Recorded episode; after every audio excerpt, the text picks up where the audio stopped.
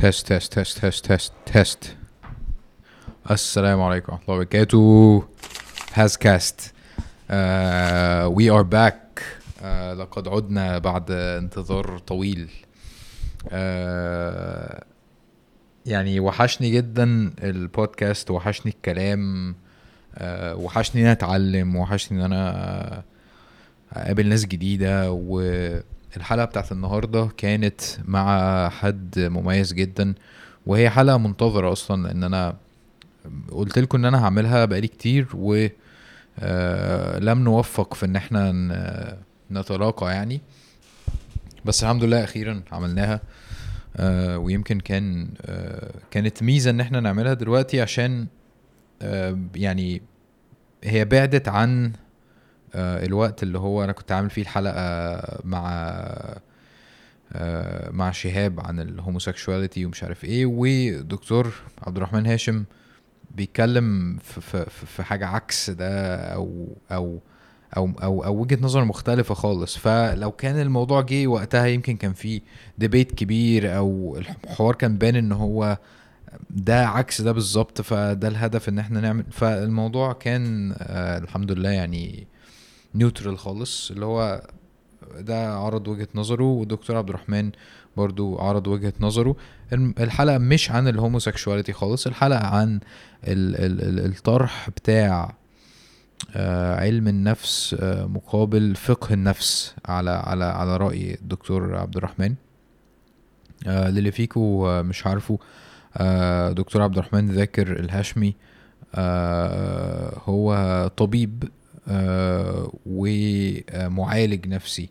آه، أتمنى أكون ظبطت ده صح لأن هو في الحلقة صلح صلح لي اللي هو أنا أنا مش طبيب نفسي أنا يعني psychotherapist زائد طبيب دكتور يعني دكتور و و psychotherapist آه وعنده طبعا يعني آه مجهودات كبيرة على الميديا وعلى ال ال اليوتيوب وعنده دورات ما شاء الله كت- كتيرة بيتكلم يعني بي بي بيأصل فيها الواحد إزاي يعرف نفسه وإزاي يفهم نفسه وإزاي يعالج نفسه بنفسه وإزاي يتصل بربنا وأكتر حاجة عجباني في في الطرح إن هو متصل بربنا بشكل مباشر وهو ده.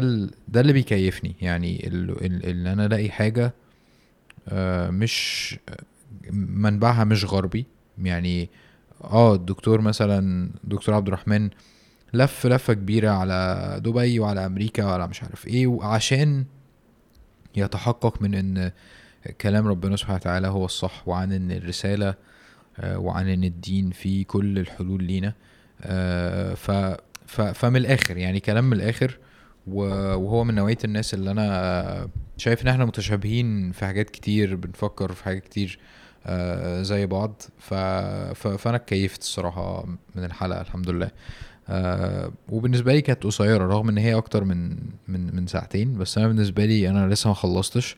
وإحنا بالفعل نهينا الحلقة إن إحنا إن شاء الله بإذن الله نعمل آه، نعمل لقاءات تانية عشان آه، لسه عندي أسئلة ولسه عايز أتكلم آه، معاه وأنا ممكن أعمل ده يعني ممكن أكلمه لوحدي وممكن نقعد ناخد وندي بس أنا شايف إن إحنا نخليها حلقات أكتر آه وأفيد حتى لو هتبقى حاجة أنانية زي ما أنا ذكرت في الحلقة اللي هو آه، أنا عامل الحوار ده عشان أنا أسألك وأعرف منك ومش عارف إيه وبتاع. بس فأتمنى تتبسطوا من الحلقة ودعواتكم ربنا إن شاء الله يتمم البودكاست على خير آه ويبقى فيه استمرارية. بفكركم إنه البودكاست ده ممكن تسمعوه على SoundCloud أو ممكن تسمعوه على Apple Podcasts أو على Spotify أو على أي app فيه صوتيات. آه وممكن آه تدخلوا على ال website برضو. هتلاقوا ال links لكل الكلام ده إن شاء الله. ويلا نبتدي الحلقة. أنا بدأت ال recorder عندي بسم الله. Okay الله المستعان. آه، إزاي حضرتك؟ الحمد لله. آه يعني أنا سعيد جدا إن إحنا أخيرا عملنا اللقاء ده لأن أنا واعد الناس عندي بقالي كتير وكل بجد والله؟ آه يعني من ساعة من من ساعة العيد تقريبا إحنا كنا متفقين. آه آه آه صح صح صح. وحصلت الظروف وسبحان الله وكان آه قدر الله ما شاء فعل. صحيح الحمد صحيح. لله. يمكن يمكن ده كمان عشان كنا نبعد عن لأن حضرتك كنت عايز تعمل أصلا آه، الحلقة عشان نتكلم شوية عن الحلقة اللي قبلها بتاعت. الهوموسيكشواليتي والكلام ده. بالظبط بالظبط. ف... ف... فدلوقتي عندنا فرصة إن إحنا ن... ن... نكتشف أمور أخرى يعني. إن شاء الله. إن شاء الله. آه أنا يعني بحب في ال... في ال... في بداية الحلقة يعني آه أتكلم عن آه عن حضرتك شوية أو أو نكتشف الر- الرحلة بتاعت حضرتك آه وصلت لفين وحضرتك وصلت آه و- وصلت إزاي لل- للي إحنا فيه النهارده. ف... فإحنا في مصر في كتير جدا مننا طبعا يعرف حضرتك آه بس مؤخرا جت آه حاجة زي صحوة أو يمكن حضرتك رجعت مثلا أو حاجة زي كده. فده اللي أنا حاسه. فهل ده حقيقي؟ طيب بسم الله الرحمن الرحيم. الحمد لله والصلاة والسلام على رسول الله. رب اشرح لي صدري ويسر لي أمري واحلل عقدة من لساني يفقه قولي. اللهم وجهنا لما خلقتنا له واصرفنا عما نهيتنا عنه ولا تشغلنا بما تكفلت لنا به. اللهم اجعلنا من جند الخير دلنا عليك أرشدنا إليك فهمنا عنك علمنا منك واعدنا من مضلات الفتن ما أحييتنا. اللهم انصرنا بالإسلام وانصر الإسلام بنا واجعلنا حجة له لا عليه واجعله حجة لنا لا علينا. اللهم آمين. آه، اولا آم، شكر الله لك آه، حسن الظن آه، لأن أنا عارف إنك بيكي ومش أي يعني مش أي حد حي يعني حي حينول البرفكشنزم ليست بتاعتك. طيب. فأنا فأنا أظن بدأنا بالفضايح من اولها طيب. فأنا أظن إنه يعني الحقيقة هذا من حسن الظن وأسأل الله أن يكون باطني خيرا من ظاهري وأن يكون ما ما ما يعلمه الله مني خيرا مما تعلمونه أنتم. آه، فأشكرك على يعني على حسن الظن مبدئيا. هو اللي حصل باختصار هو- بص يا سيدي اللي حصل آه، أنا ال- الهوى المصري عندي آه، قديم.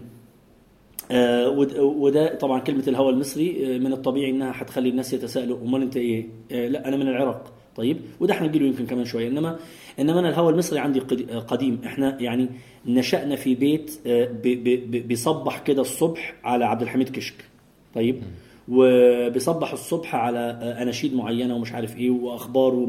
ف ففي فمصر كانت جوانا من الصغر آه، لكن بقي هذا الهوى آه، يعني آه، قريبا على بعد بعيدا على قربي زي ما قال ابن الرومي لما لما مات ابنه و- و- ورثاه ف لكن سبحان الله آه، 2004 أحد الدعاة المشاهير آه، مش عارف هنقول أسامي ولا لأ بس مبدئيا أحد الدعاة المشاهير طلبني إن أنا أدي دورة آه، لناس معينة حواليه آه، علشان تبقى هي النواة لحاجة معينة. طيب؟ فكانت أول نزول ليا سنة 2004 لمصر. الناس قبل كده يا دوب سامعين عن الشخص ده لأنه بعض الدعاة بيتكلموا عنه. ليه؟ لأنه آه، بيقول لك والدكتور عبد الرحمن والمستشار اللي إحنا اشتغلناه كان بس لما نزلت آه، مصر 2000 طبعا بالمناسبة أنا لا- زلت أذكر إنه الأخ اللي استقبلني آه، الأخ اسمه خالد فلما أنا طلعت من المطار طبعا أنا كنت بس مستني إن أنا أطلع يعني لأنه أول نزول فأول ما طلعت من المطار نزلت وبوست الأرض فهو طبعا آه، فهو طبعا طبعا أنت بتتكلم في 2004 طبعا المصايب كل كلها لسه موجودة ف صح. فقال لي يا دكتور أنت بتعمل إيه؟ ده إحنا مش بايسينها قلت له قلت له قلت له دي قصة ثانية ف فساعتها آه، عرف الاسم قليلا لأنه آه، أنت عارف صحيح أنا رايح لمهمة معينة بس على هامش المهمة بتحصل حاجات تانية. أكيد. فدعيت عند فلان وفلان عنده كذا وفلان عنده صحبة معينة وفلان عنده كم. وبعدين فجأة لقيت نفسي ال- ال- ال- الممثل المشهور يدعوك والممثلة المشهورة مش عارف مين. فاتعرفت شوية. وبعدين غبت تاني آه لما آه طلعت أمريكا من سنة آه آخر 2007 ل 2012 الف... آخر 2011 2012 لما رجعت قدر الله طبعا مع الثورات وإلى آخره في حوالي سنة واحدة زرت مصر تقريبا 8 إلى 10 مرات. طيب؟ يعني تقريبا كل شهر وشوية كان في ليا آه يعني نزول إلى مصر. في الفترة دي طبعا رجعت تاني الناس بقوا آه، يشوفوا خصوصا وأنت عارف طبعا اللي بيتشهر في مصر بيتشهر. فحصل إنه قناة النهار آه، استضافوني مرتين. فكان ملحوظ تماما إن أنا إنه في في المرتين دول فجأة ألاقي المشاهدات بترتفع. الصفحة بتتزار بأعداد مهولة. طيب يعني أنا بالنسبة لي لو لو كان حد مثلا في اليوم لما لما يبقى في عندي 20 30 زيارة في اليوم أوه خير وبركة نعمة. آه، طلعت على قناة النهار مرة واحدة ألاقي في اليوم مثلا 300 آه، زيارة. رب- وهكذا. فرجعت تاني. وبعدين 2013 14 خبى الامر تاني. وبقى اللي عرفوني بقوا بيتابعوا فقط لما بقى في عندي قناة تليجرام والكلام ده. لأن أنا بالمناسبة بعيد عن السوشيال ميديا بشكل يعني مزعج للبعض يعني. آه إنما رجعت تاني سبحان الله من حوالي تقريبا ثلاث سنين آه، بقيت ألحظ إنه في شيء ناس معينة بيتابعوا يعني بيتابعوا مثلا مشايخ دعاة معينين مفكرين معينين آه، يظهر إنه في لغة مشتركة. فدكتور إحنا إحنا عرفناك عن طريق فلان. دكتور إحنا عرفناك عن طريق فلان. ف وشبكت على بعض ال... ال... وال social media لعبت دور يعني لا بأس به. يعني بقوا في ناس مثلا يعني أنا دلوقتي في عندي أربع دورات أسبوعية. آه، لا شك إنه أكثر من نصف العدد منهم من مصر ولا شك إنه أكثر من من ثلاث أرباع العدد ده آه، لأن أنت عارف بن- بنعمل زي ستاتس عندنا. أنت جيت منين عرفتنا منين كذا. أكثر من ثلاث أرباع العدد ده من ناس آخرين. يعني عرفناك عن طريق فلان. فلان قال آه، آه، ننصحكم بفلان وهكذا. فرجعت تاني زي ما أنت قلت كده آه، يعني ظهرت على السطح مرة أخرى بالنسبة لمن لا يعرفني من أهل مصر. وكان آخرها آه، مسجد أونلاين أظنك سمعت بالاسم أو عند في حاجة اسمها مسجد أونلاين. عندهم يعني زي مبادرة معينة. فبقى لي معاهم ثلاث لا خمس شهور تقريبا كل حد مساء. فمعظم الحضور من مصر. معظم الحضور يعني معظم اللي بس لما بيسألوا طب أنت مقيم فين؟ بفتكروا مثلا مصري في تركيا مصري في مثلا الخليج ما- لا في معظمهم في مصر. فده اللي خلى الاسم يعود مرة أخرى إلى الساحة. هو في حاجة حضرتك قلتها حمستني جدا آه، ويمكن برضو خلتني أستوعب إنه سبحان الله آه، ربنا آه، يعني ربنا أراد إنه حضرتك تتعرف في وقت يمكن ناس كتير وأنا منهم حاسين إنه آه، يعني حضرتك قلت إنه في ناس متشابهة وفي ناس زي بعض ومش عارف إيه. ف... فأنا دايما بحس إنه أنا غريب ودايما بحس إنه إحنا محتاجين نشوف ناس شبهنا ونشوف ناس يكونوا رؤوس بشكل ما أو قادة بشكل ما كل واحد في حتته آه، يحسسنا إن أنا إحنا بسميها عذرا على المقاطعة أنا بسميها واحات الصحراء. مم. يعني الناس دول أنا بسميهم واحات الصحراء. إحنا عايشين في صحراء وفي الصحراء أنت محتاج واحة كل شوية تطمنك إنه في مية. صح. وانك وانك وانك, وإنك لسه على قيد على قيد ال- ال- ال- الوجود الروحي اللي هي الحياة مش العيش. صحيح. ف فالناس دول ومش عايز يعني أنا لا أجامل بس يعني هتطلع يعني بس يعني لا أخفيك أنت والشلة اللي حواليك. انت أنتوا من الواحات دي. انت طبعا. لا لا ومش عارف إيه ولا وإحنا عايزين رؤوس. بص يا حازم في حاجة مهمة. ال- ال- الصحبة الصحبة قصدي العامة مش صحبتكم أنتوا عشان بس يعني الصحبة بتعمل دور أكبر بكثير مما تتصورون. يعني قد يهديك صاحب ما لا يهديك إياه شيخ. قد يهديك صاحب ما لا يهديك إياه قدوة مشهور. ليه؟ لأنه الصاحب بيهديك حاجة من واقع الحياة اللي شبهك. إنما الرأس ده هيديك كلام ممكن يكون تنظير قوي. لكن يمكن التنظير ده كله يزول لو رحت عشت معاه وجها لوجه. فالصحبة الحقيقية يعني يعني أنت أنت لا تتخيل أنا آه، بعد ما عرفتكم بفترة آه، واحد من الإخوة هنا في الأردن بيقول لي دكتور في ناس اسمهم صحوة. قلت له عارفهم. قال لي بجد؟ قلت له آه. قال لي الناس دول طبعا هو هنا أردني مش مصري. لكن اكتشفت انه هو ومجموعة حواليه بتتابعكم بشغف. بشغف. طبعا هو مدرك هو احد طلابي يعني هو مدرك أنكم لا تقدمون علما. ويعني وعذرا بالك- بالكلمة دي علم الشرعي أكثر منكم كلكم. صح طبعا. ده اللي ده اللي- ده اللي استوقفني. لا لا مش قصدي هو علم الشرعي لأنه متخصص. هو هو هو طالب علم شرعي متخصص. آه أوكي. انما آه، إنما استوقفني إن أنتم بالنسبة له حاجة كبيرة. ليه؟ لأنه يرى فيكم ال- الواقعية والعفوية اللي قد لا ترى في الشيخ والقدوة والرأي. أو بلاش كلمة القدوة عشان دي بت بت بتعم الصحبة كمان. إنما ال- المشهور والرئيس والرأس والكلام ده. ف, ف, يعني اللي انت اتكلمت عنه و يعني و- وعذرا على الاستطراد في المقاطعة. إنما واحا- و- و- واحات الصحراء دي مهمة جدا. ويعني و- والناس بيطلبوها. أنت لا تتصور إنه في ناس شرقا وغربا. يا دكتور ممكن تعملوا مجموعة رقمية ب- بس عشان نتقابل نعرف بعض ال- الناس ولادي يعرفوا حد زيهم يتكلم نفس اللغة. فدي مش سهلة غربة. جدا والله فعلا. يعني أنا في من اللي معطلني كتير في ال في في الشغل وفي العمل وفي كده إنه كتير مننا شغال بس ممكن يبقى شغال لوحده خالص منعزل تماما. ف فيمكن يمكن البودكاست أنا عامله بشكل أناني جدا ويمكن الحلقة دي من أكتر الحلقات ال- ال- ال- اللي فيها أنانية. إن أنا إن أنا فعلا عايز أتصل بحضرتك و, و... و... ونلتقي واتعلم وأحس إنه آه لأنه يمكن حضرتك ال- ال- اللي أنت قلته بتاع إنه إحنا مش مش مش بنتكلم في العلم أو مش بنتكلم بعلم شرعي أو أو كده آه ده دايما بيحسسنا إنه الناس الحقيقية آه، اللي هم ال- ال- الرؤوس مثلا كان قصدي عليهم زي حضرتك زي ناس تانية يمكن إحنا بنشوف ان هم مش شايفين ان إحنا جادين أو مش شايفين ان إحنا ال- اللي هو شوية شباب هلاسين وده اتقال كتير جدا طبعا في الأول يعني. آه. فلما حد زي حضرتك يأكد انه لا كملوا ناس مهتمة بيكوا وانتوا بتقولوا كلام كويس ده بيثبتنا جدا جدا وبيحسسنا ان إحنا مش أي كلام. حضرتك فاهم طب خلينا خ- طب خلينا أقف هنا يا حازم. معلش يعني هو إحنا اضطر يعني اضطررنا لل لل- للحارة دي. طيب. هنرجع بعد شوية على ال highway آه بص يا حازم.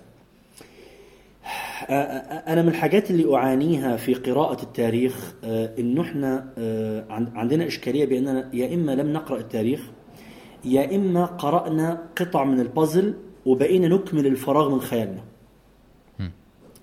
من أهم القراءات اللي فيها تشوه عندنا هتستغرب لو قلت لك السيرة النبوية. Okay. لو لو الناس اللي بيقولوا هلاسين ومش عارف إيه والكلام ده قرأوا سيرة نبوية سيعلمون بأن العدد الأكبر من الصحابة لم يكونوا علماء شرعيين. ومع ذلك هؤلاء هم الذين نقلوا لنا الدين.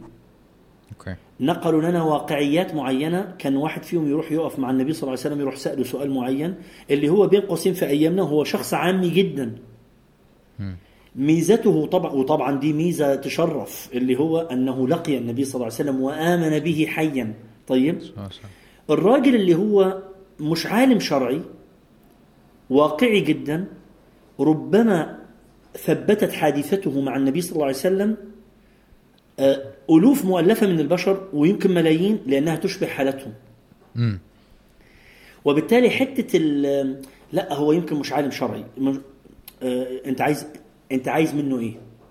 أنت عايز منه إيه؟ آه، أنت في الآخر عايز شخص يهديك حاله مسيرته سيرته كلامه قوله فعله صدقه إلى الله سبحانه وتعالى. وقد تأخذ من صدقه ما لا تأخذ من كل الكلام اللي ممكن يطلع منه. طيب فدي أولا حاجة مهمة. الحاجة الثانية انت قلت كده كلمة يعني آه، في السريع كده بس خد بالك إن أنتوا أنتوا بتتكلموا شرع. بس في فرق بين لسان الحال ولسان المقال. يعني إيه؟ يعني أنا النهارده جاي أتكلم آه، مع ضيف معين نعمل إيه في ال business إزاي ال business بتاعي يبقى حلال؟ الكلام ده واقعي بشكل. لو جبت واحد مش عايز أبالغ بس يمكن لو جبت رجل اقتصادي إسلامي مش هيعرف يجاوبك عليه. لأنه ما فيش أمة إسلامية. والفقه الإسلامي دلوقتي عمال بيتخبط. ومقاصد الشريعة يا دوب أنت محتاج عقل فطحل من من من المقاصديين الأصوليين علشان يقول لك يا ترى ال business بتاعك ده حلال؟ ما فيهوش شائبة ولا لأ؟ وده يا ده, ده هو نفسه محتاج أنت تشرح له ال business بتاعك علشان هو يجيب لك الأصول بتاعته ويعمل بقى يعني عملية. mix and match طيب و- ف- فلأ اللي أنتوا بتعملوه مش سهل. ال- اللي أنتوا بتعملوه ده ده هتستغربوا بس أنا بقوله يعني ويعلم الله أنا قلته قبل كده كتير ومتسجل عندي على اليوتيوب يعني أو يعني في ناس واخدينه ورافعينه على على اليوتيوب. آه أنت قلت كلمة يعني الرؤوس وأنت منهم. بص مش متواضعا. دي كلمة أنا بقولها من زمان. نحن نتلقط الفتات الساقط من موائد العلماء. بس إحنا عندنا حتة خباثة تسويقية اللي نقدر ناخد الفتات ده ونعمل منه وجبة لطيفة. فبنديه للناس. بس للأسف طبعا للأسف للأسف لأن الحالة العامة للأمة هي حالة أمية مركبة وجهل غير عادي. بقى الفتات اللي إحنا بنديه علم. وبقى واحد قزم زي اللي قدامك آه للأسف ينظر له كرأس. ربنا يعلي قدرك. إنما آمين آمين آمين. إنما إنما حقيقه واكرر هذا ليس تواضعا. يعني آه، أنا لما بقعد مع العلماء اللي بجد آه، ببقى قاعد كده إيه ده؟ آه، أنتوا فين؟ هو- الناس ما تعرفكوش ليه؟ هو إزاي أنا اللي ببقى؟ بس سبحان الله لما تقرأ برضو التاريخ والسيرة وكده يظهر إنه هذه سنة الله في الكون. إنه الناس التقال قوي التقال قوي عارف قاعدة ارخميدس آه. التقال قوي تحت. الكثافة العالية دي مش هتخلي أي حد يبقى على السطح. الشافعي تنسب له آه، ينسب له بيت شعر يقول لك أما ترى البحر تعلو فوقه جيف وتستقر بأقصى قاعه الدرر؟ يعني آه، مش عايز أقول عن يعني إحنا مش جيف برضه الحمد لله يعني بس بس يعني إن شاء الله ما نكونش كده. بس قصدي إنه حتة الرؤوس برضه من الحاجات اللي تحز يعني تشعرني بالأسى بصراحة أن ينظر لنا على أننا رؤوس ومنارات آه لا الحقيقة في أناس آخرين. هم الذين بعد الله سبحانه وتعالى لهم فضل كبير على يعني بدءا من أول واحد في يوم من الأيام خد بإيدي وعلمني وكذا وهو الوالد يعني رضي الله عنه وحفظه مرورا بأي حد كان في المسجد في يوم من الأيام حتى ولو واحد يعني يعني مع- معلش برضه هقول لك حكاية كده في السريع. في عندي صاحبي اسمه أيمن. أيمن ده كان أنتوا بقى ما لحقتوش الكلام ده بس تسمعوا عنه. عارف أيام مايكل جاكسون؟ آه. طيب. وال وال وحتة الشعر اللي مش عارف معمول كان كانيش كده ونازلة منه الحتة اللي هو كان بيصلي في المسجد معانا بس من النوعية اللي بتهتم قوي بشعره وكان عنده يعني بقايا جاهلية break dance و break dance ومش عارف إيه والكلام ده. ف آه، وكان بيهتم في نفسه قوي آه، آه، الجينز والقميص ومش عارف. فأنا كنت متعود أعدي عليه أيمن أيمن أحيانا بيأخرني وإحنا رايحين مسجد. طيب؟ فلاحظت كذا مرة موقف من خد بالك ايمن اللي أنا بكلمك عنه ده؟ ده يا دوب كان يصلي الصلوات الخمس. أحيانا سنن واحيانا ما فيش. آه وبس. طيب يعني ما هوش طالب علم شرعي ما هوش واحد كان بيحفظني آه، قراءات ولا لا لا ابدا. فلاحظت مرة ملاحظة آه، وإحنا وإحنا يعني أحيانا بقول له يلا بسرعة هتروح الصلاة مش عارف إيه. فإحنا ماشيين بيبقى في عربيات على يميننا. وإحنا ماشيين. فهو يبص كده يروح عامل كده. بعد شوية يروح بص كده يروح عامل كده. تكررت الحركة دي أكثر من مرة. فمرة قلت له كنا رايحين صلاة المغرب. قلت له أيمن إيه حكايتك؟ أنت في حاجة بتعملها بتكررها؟ آه، ولاحظتها عليك كذا مرة. قال لي إيه؟ قلت له كذا. قال لي الحركة اللي بيعملها. قال لي لا خلاص دي حاجة مالكش دعوة بيها. قلت له لا أنا عايز أعرف أنت بتعملها ليه. قال لي ما خلاص قلت له لا أنا عايز أعرف. قال لي طب هقول لك بس ما تقولش لحد. قلت له ابدا طب طبعا طبعا من بعد طبعا من بعد صلاة المغرب المسجد كله عرف. ومن بعدها ومن بعدها لحد دلوقتي بتكلم فيها فملايين الناس. لغاية. م... آه، لغاية ما مرة كنت على فضائية من الفضائيات آه، في الألفينات يعني في الخليج لما كنت في دبي. سبحان الله وقلت القصة و خرجت من ال... خرجت من الاستوديو فواحد بيقول لي في واحد بيكلمك اسمه فلان. فقلت له فلان فلاني فقلت اسمه الكامل. قال لي هو. فكلمته قال لي ازيك عبد الرحمن أنا في البحرين. سمعتك دلوقتي بتتكلم عني وطبعا ورجعت بقى كنا بقالنا كنا بقالنا ما شفناش بعض تقريبا 15 سنة. يا سبحان طيب. الله. آه. الشاهد بقى قال لي إيه؟ تصور قال لي إيه؟ قال لي بص يا عبد الرحمن مش انت أح... مش انت بتستعجلني ومش عارف إيه و... ببقى أنا مش مظبط نفسي. فبنبقى ماشيين فببص على شبابيك العربيات أزايز يعني إزاز العربية. فببقى عايز أظبط نفسي فيه. فبفتكر إن أنا لا يحق لي لأنه العربية دي مش يعني مش بتاعتي وما استأذنتش صاحبها. فأتورع عن ذلك فأروح فاكر فأروح لافف تاني. طبعا أنا يعني تأثرت مباشرة قلت له يا ابني أنت أنت مجنون إزاي إزاي مش عايز تقول لي الحاجة دي؟ قال لي دي حاجة بيني وبين ربنا. قلت له يا ابني أنت فكرتني بقصة أخت بشر الحافي ما أعرفش سمعتها ولا لأ. واحدة جت للإمام أحمد بن حنبل فقالت له يا إمام أنا أنا أنسج أنسج غزلي على ضوء القمر. فلما أحيانا ما بيبقاش في قمر انت عارف أيام يعني أيامهم كانت البيوت يعني السطح السطوح بتاعها حاجة يعني يعني أقل من الدور الأول. فلما فلما العسس يعدوا اللي هم الشرطة بيبقوا معاهم إيه؟ مصابيح. طيب؟ اللي هو زي, زي فوانيس يعني. طيب؟ كويس. ف- فبتقول له فهل فهل يجوز لي أن أنسج غزلي على ضوء المصابيح؟ ورعا. فقال لها بنت من أنت؟ قالت له أنا اخت اخت بشر الحافي بشر الحافي كان من الزهاد المعروفين. قال لها لا عجب من بيتكم يخرج الورع. فقلت له يا ابني أنت فكرتني بواحده أنت لازم الناس يعرفوا إنه في واحد في القرن العشرين الكلام ده طبعا بنتكلم في 1900 وحاجة و90 قلت له لازم حد يعرف إنه آه، عذرا آه، 1900 وحاجة و80 قلت له لازم يعرفوا إنه في حد في القرن العشرين لابس جينز وقميص وشعره عامله زي مايكل جاكسون عنده هذا القلب. سبحان الله. فاللي أنا عايز أقوله إنه واحد زي أيمن رباني في موقف بسيط قد يكون بني على حاجات كتيرة قبل كده بس حقيقة اللي لهم فضل بعد الله سبحانه وتعالى علينا ناس كثر يعني ومنهم حقيقة علماء ورؤوس. أما إحنا فيعني الله المستعان الله المستعان. قول يا سيدي. أنا يعني يعني حضرتك في أي وقت عايز تحود نخش في أي شارع مفيش مشكلة خالص يعني. ما دام- الشوارع كده. بالظبط. آه، ال- اللي أنا بستعجب له جدا في ال- في الرحلة بتاعت حضرتك وفي الطرح بتاع حضرتك إنه على يعني على الظاهر حضرتك آه، طبيب نفسي كويس. بس في المقابل مش مش معترف بال بال بالمجال ده. باللقب. مثلا يعني. ف ف فدي تركيبة غريبة جدا وأنا حبيتها جدا لأنه أنا برضو عندي نفس ال يعني مش عارف أنا أنا اي أي علم جديد متعلق ب بحاجات روحانية بيوترني جدا. حضرتك عارف يعني مش عارف ال.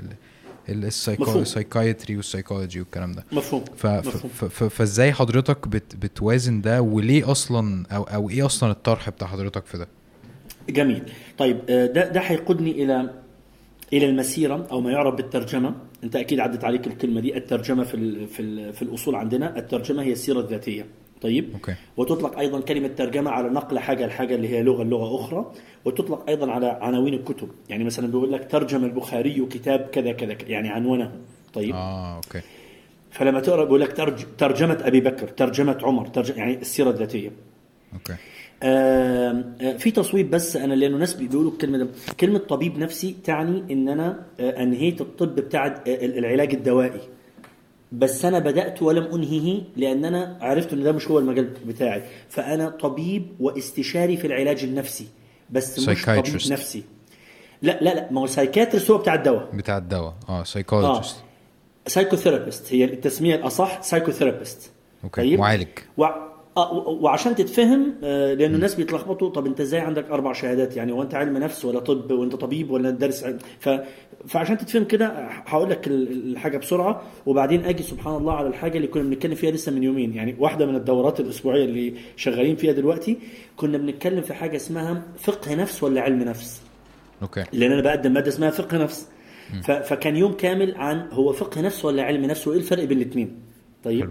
جميل. لكن باختصار نرجع كده لورا حبتين. آه، آه، أنا باختصار ولدت في الموصل في العراق آه، في بلد في ني- نينوى اللي هي بلد يونس عليه السلام.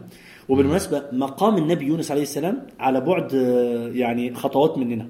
يعني كان قريب. ده ده مؤكد ان هو يعني؟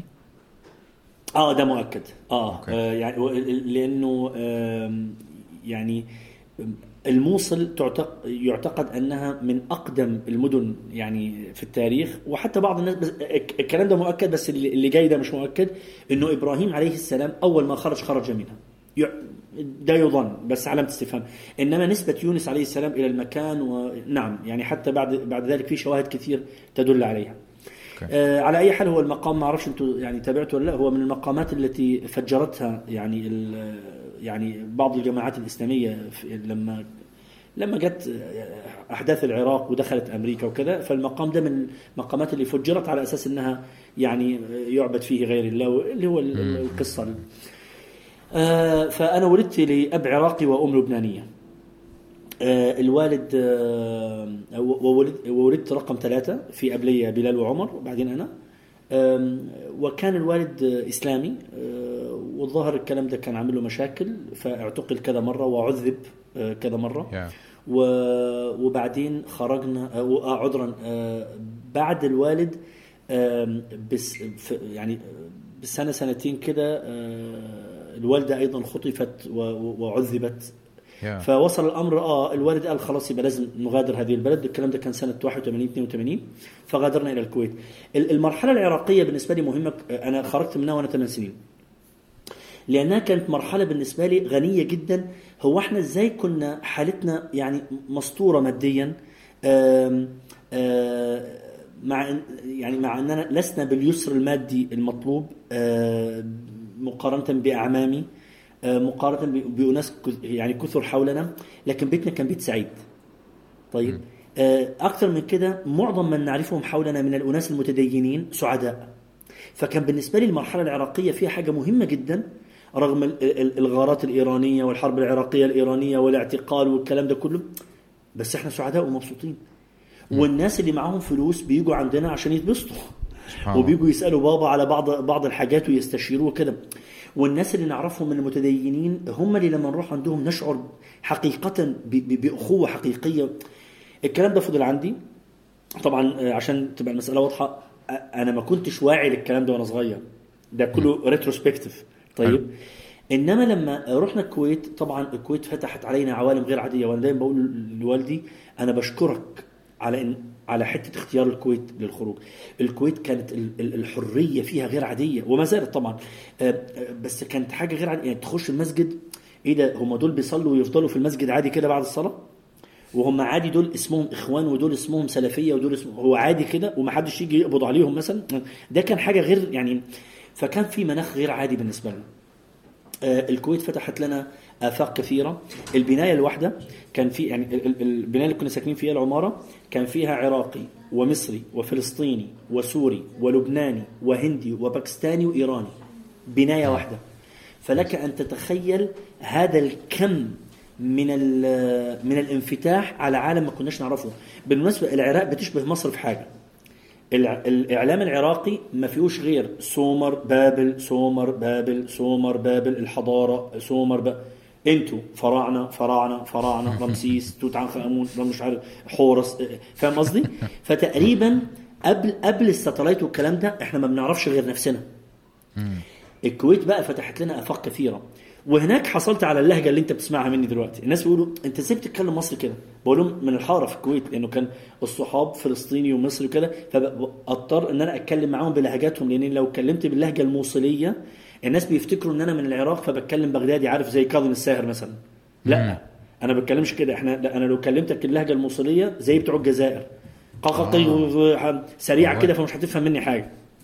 ف آه، فالكويت منحتنا حاجات كتيرة لكن مع هذا المنح كان في حاجات آه، توقفت عندها إنه هو ليه بعض الناس اللي المفروض إنهم متدينين وبيجوا يزورونا ونقاب ولحية وكذا بس مش مبسوطين. ونسمع منهم حاجات عمري ما تخيلت إن أنا أسمعها من شخص متدين. آه، دخول في أعراض الآخرين أو غيبة أو أو واحدة بتتكلم على جوزها بطريقة مش كويسة ابدا. الكلام ده حصل يعني يعني عمل عن- عندي يعني شيء من ال- التوقف. آه، ففي سن ال 13 تقريبا 12 13 13 تقريبا آه، بدأ عندي شكوك هو الإسلام ده صح؟ يعني يعني هو الإسلام ده ممكن يبقى هو ال- الحل وبيدي السعادة زي والإسلام هو الحل وال- والسعادة والمش ولا هو كلام آه، على سن 14 تقريبا قررت أن أبحث في كل شيء. وأنا كنت بفضل الله يعني آه، وإلى الآن أحب القراءة جدا ووالدي الحمد لله كان قارئ جدا و- واخدت منه الكلام ده. فوالدي لما شاف يعني ما بي قال لي بص يا عبد الرحمن الصلاة ما تقطعهاش اوعى واقرأ ما تشاء. فساعتها آه، انفتح لي الباب على الفلسفات الغربية.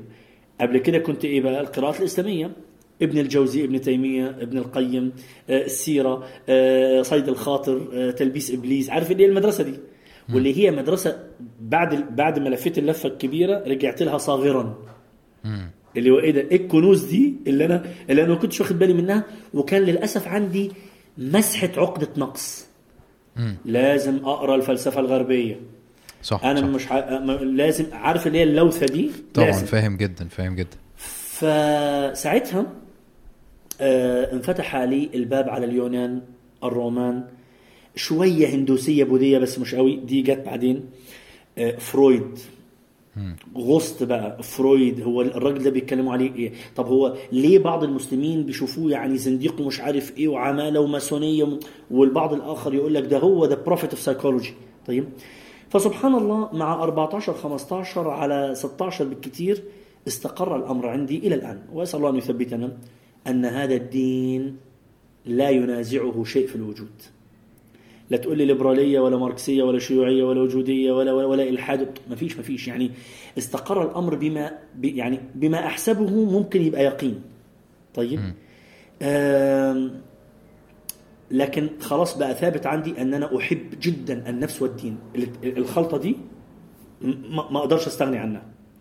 بس كان عندي مشكلة. أنني آه، أحب اللغة العربية جدا. وكان نفسي ده, ده اللي أنا بقوله الناس دايما بيستغربوه. آه، الناس ما بيعرفوش إني أنا حلمي كان إن أنا أبقى خريج أزهر لغة عربية.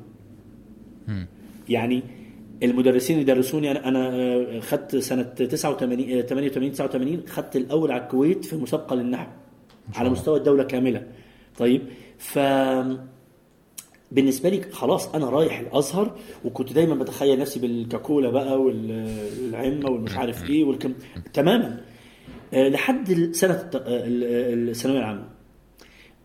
ثلاث آراء والدي عمي آه، اللي أصلا من الكبير آه، رحمه الله وجار لينا مسيحي مصري اسمه نبيل. آه، الثلاثه اجتمعوا عليا ضربوني ضربة رجل واحد. طيب. آه، اللي هي والدي قال لي عبد الرحمن مش أنت عايز تبقى مش أنت تدعو إلى الله؟ مش عايز تبقى داعية إلى الله؟ قلت له آه. قال لي صدقني يا ابني الطبيب سيأتون إليك وهم يقدرون ما لديك. مدرس العربي ما حدش هيبص عليه. طيب؟ قال لي أنا آسف إن أنا أقول الكلام ده بس ده حاصل. صح. قلت له طيب أوكي. آه عمي حب كده يعني يعني يديني قال لي عبد الرحمن آه إحنا بنعرف ناس كتير آه أطباء أغبياء. نفسي في طبيب يعني بيبقى ذكي شوية. فيعني ضحك عليا يعني باختصار. طيب؟ آه نبيل الراجل المسيحي اللي كان جارنا قال لي آه، بص يا عبد الرحمن أنا طبعا الراجل سبحان الله مسيحي لكن كان بيحبني لتديني. بيبقى مبسوط وأنا رايح المسجد ومبسوط وأنا طب يا ابني طب ما تسلم يعني طب ما انت معجب بيا. قوي طب ما خلاص. سبحان الله. فقال لي حاجة والحقيقة كانت هي القشة التي قسم ظهر البعير. قال لي عبد الرحمن أنت بتحب ال biology وال chem قلت له آه. والحمد لله كانت علاماتي يعني تقريبا فل فيها. ف قال لي لو في يوم من الأيام حبيت تمارس الطب حد هيسمح لك إنك تلمسه من غير شهادة؟ قلت له لا طبعا. قال لي إنما لم- لما هتحب تدرس حد نحو ولا تصلح لحد لغة حد هيقول لك شهادتك إيه؟ قلت له فعلا. ف... فخ... ف... يعني أقنعني إنه تبقى الدراسة العربية واللي هي لحد دلوقتي شغف عندي الدراسة العربية والنحو والكذا خليها على جنب كهواية و... ومادة موجودة عندك إنما عشان تقدر تقول حاجة لازم يبقى في عندك حاجة موجودة على الحيطة وراك. آه، يعترف بيك. دخلت الطب وقررت إنه يبقى مجالي لاحقا هو الطب النفسي. أوكي. لأن أنا النفس والدين هم دول اللي شاغليني. أول ما دخلت الطب استوقفني للأسف. آه، آه، طبعا بالمناسبة إحنا آه، دخل الجيش العراقي الكويت فاضطرينا نرحل إلى ال- يعني بين قوسين نغادر فرارا إلى الخبر والأهل هناك يعني من ساعتها آه، منطقة المنطقة الشرقية الخبر والدمام الكلام ده. ففضلت فيها سنة تقريبا. آه، حاجة ممكن تتقال كده على السريع إن أنا آه، قدمت آه، الحمد لله كنت متفوق في الثانوية العامة لكن عشان أنا عراقي والعراق ساعتها إرهابي لأنك أنت اللي غازي الكويت. أوكي. آه لم آه لم أقبل في أي جامعة في العالم كله. يا. لم لم لما بقول العالم كله يا حازم أنا أنا, أنا لا أبالغ. أنا والدي كنت أنا وهو بنروح على في حي في الرياض اسمه حي السفارات. الحي ده كنا كنا بنتنقل على الأبواب بتاعت السفارات ندق الباب على على سفارات حتى ما كنتش عارف اساميها اللي هو يعني بلدان ما عدتش عليا قبل كده. لكن للأسف الكل يعني في منهم من الانتركم بيسألك أنت جنسيتك إيه؟ ما بيفتحلكش الباب أصلا. سبحان الله. فاه ف- فسنة واحدة آه، قعدتها من غير آه، من غير اكاديميا ليه ليه حبيت يعني أخش ال يعني ال- يعني أقول الملاحظة دي؟ آه، مو لما أسترجع الكلام أقول طب مش كان ممكن يزورني زائر زائر الشيطان يقول يا ابني ربنا بيقول لك مفيش طب يا ابني سيبك يا ابني يا ابني خلاص وأخش بقى في الإلحاد الوجودي والأسئلة الوجودية ومعضلة الشر ومش. السنة دي يا حازم كانت من أغنى السنوات في حياتي. قرأت فيها ما لم أقرأه بعدها في نفس الزمن. يعني كمية الكتب اللي أنا قريتها لا أذكر أنها مرت علي بعدها. في نفس في نفس يعني في, في نفس ال- السنة. يعني بين قوسين نسبة وتناسب relative طيب. آم، أنا already كنت في الكويت بتاع martial arts والكلام ده ففي السنة دي تفرغت لحد ما خدت شهادة تدريب في ال martial arts. كنت بتلعب إيه؟ أم، بلعب ست ألعاب. ايكيدو؟ ب... ب... واحدة منهم. واحدة منهم. آه يعني مش ده مش موضوعنا. أنا ب... أنا أنا أنا أنا من المتح... يعني من المتعصبين قوي للكونغ فو لأن كانت بداياتي وهي اللي أعتبرها أم الألعاب. طيب؟ بعد كده ال full contact والكيوكشونكاي والشوتوكان وال... وهكذا. ف آه، حضرتك شفت الماتش بتاع حبيب؟ معلش اصل أنا بحب ال آه, آه, آه, آه حبيب مين؟ حبيب حبيب. اللي هو الراجل ال ال داجستاني. اللي هو آه آه آه لا هو في هو في حاجة قريبة يعني؟ آه كسب آه، كسب أول امبارح أو آه، أو من كذا يوم واعتزل بعدها امم okay وهو okay. أكتر يعني هو ال champion دلوقتي في العالم وما انهزمش ولا مرة آه. أظن بس عشان أصلا مش متابع ال MMA أنا عندي مشاكل معاه شوية. بس هو نفسه الراجل اللي اللي اللي عنده مواقف إسلامية قوية و و- آه، وكذا واحد و- وأذلهم في في الحلبة مش كده؟ yes. آه آه آه آه. وبيصلي وبيحفظ الاولاد قرآن ومش عارف إيه. هو ده. بالظبط. بالظبط كده. آه، آه. هو ده. ف- آه، ففي نفس السنة آه، آه، بدأت أدرس بقى آه، لغة إنجليزية أكتر عشان لازم أستعد للتوفل لعل وعسى إن أنا طيب بالمناسبة في السنة دي جبت اي 20 اللي هو اي 20 اللي هو القبول بتاع أمريكا ومع ذلك لم أعطى فيزا. مم. خلاص عراقي بقى. ف... طبعا. السنة اللي بعدها جيت الأردن عشان أمتحن امتحان لتركيا. قالوا لي إنه الأتراك ممكن يقبلوك. فأنا في الأردن واحد قال لي بالمناسبة ال- ممكن تقدم في الأردن آه، عن طريق السفارة العراقية والحمد لله قبلت في الطب. لما دخلت الطب آه، المفاجأة كانت أن الطب يعني من أول سنة كانت واضح بالنسبة لي الطب سيحولني إلى إن- إنسان يتعامل مع روبوت. okay. نوا- نواقل عصبية وهرمونات ومش عارف إيه. العلم جميل وبالمناسبة أنا إلى الآن أقول لولا راسماليه التعليم عندنا وفي العالم كله طبعا أنا أنصح الكل بأنه ياخد كورس مكثف في الطب. حتة إنك أنت تدرس التشريح والفسيولوجي ووظائف الأعضاء والدماغ بيحصل فيه إيه؟ والشريان والوريد وال وال- وخلية الدم. دي حاجة غير عادية. بتنقلك نقلة إيمانية غير عادية. وسيبك من حتة إنه آه عشان بس الروحاني. لا لا لا لا لا. أنت أنت بتبقى بتعيط وأنت بتعقل. عارف اللي هو كومبينيشن غير عادي. آه، أزعم إنه الطب للأسف لو لو تخلص من من الاستهلاكية الرأسمالية بتاعته إنه ما يخشوش إلا اللي يقدر مش عارف إيه واللي واللي عايز يفتح عيادة بعد كده الأصل زمان كانوا يسمى الحكماء اللي هو دارس طب وحاجة تانية. الطب ده كان يعني ابن سينا كان من الحاجات اللي بيقولها بيقول لك درست الطب وخلصته يعني في فترة قليلة لأنه لا يحتاج إلى ذكاء. إنما قعد يدرس في كتاب أرسطو بتاع الفلسفة ما وراء ما بعد الطبيعة أر- آه، أراه 40 مرة. طيب فهو بالنسبة له الطب والحقيقة آه، شيء محزن أن ترى في كلية الطب أناس مم، انت انت بتستغرب هم دخلوا الطب إزاي. كتير جدا طبعا. يعني للأسف. فالشاهد آه، قررت على طول بعد آه، يعني إنه يبقى على طول على التوازي منها آه، أدرس علم نفس علم نفس عام psychology okay. الكلام ده طبعا لم أخبر به أحد. يعني أهلي ما كانوش يعرفوا الروميت بتاعي ما كانش يعرف ما حدش كان بيعرف. ودي كانت حاجة طيب. مش عادية يعني دي كانت حاجة غريبة وقتها. آه، لدرجة إنه لما بعد كده عرفت الناس حواليا استغربوا هم قبلوك إزاي؟ وإزاي كنت أنت في جامعة تانية؟ ويعني كان بالنسبة لهم حاجة يعني أنت إزاي عملتها؟ طبعا هو من الحاجات اللي خف يعني اللي سهلت عليا عقدة النقص تجاه الطب. ليه؟ آه لما رحت لبتوع علم النفس في جامعة ثانية وعرفوا إن أنا طالب طب وجاي أدرس كده إيه ده؟ هو أنت متنازل وجاي عندنا؟ عارف اللي هو فاللي أنت عايزه اللي هو إيه؟ ما تداومش ما تحضرش محاضرات ما- فلما يجي الامتحان تيجي تمتحنه بس. يعني والحمد لله ومشيت.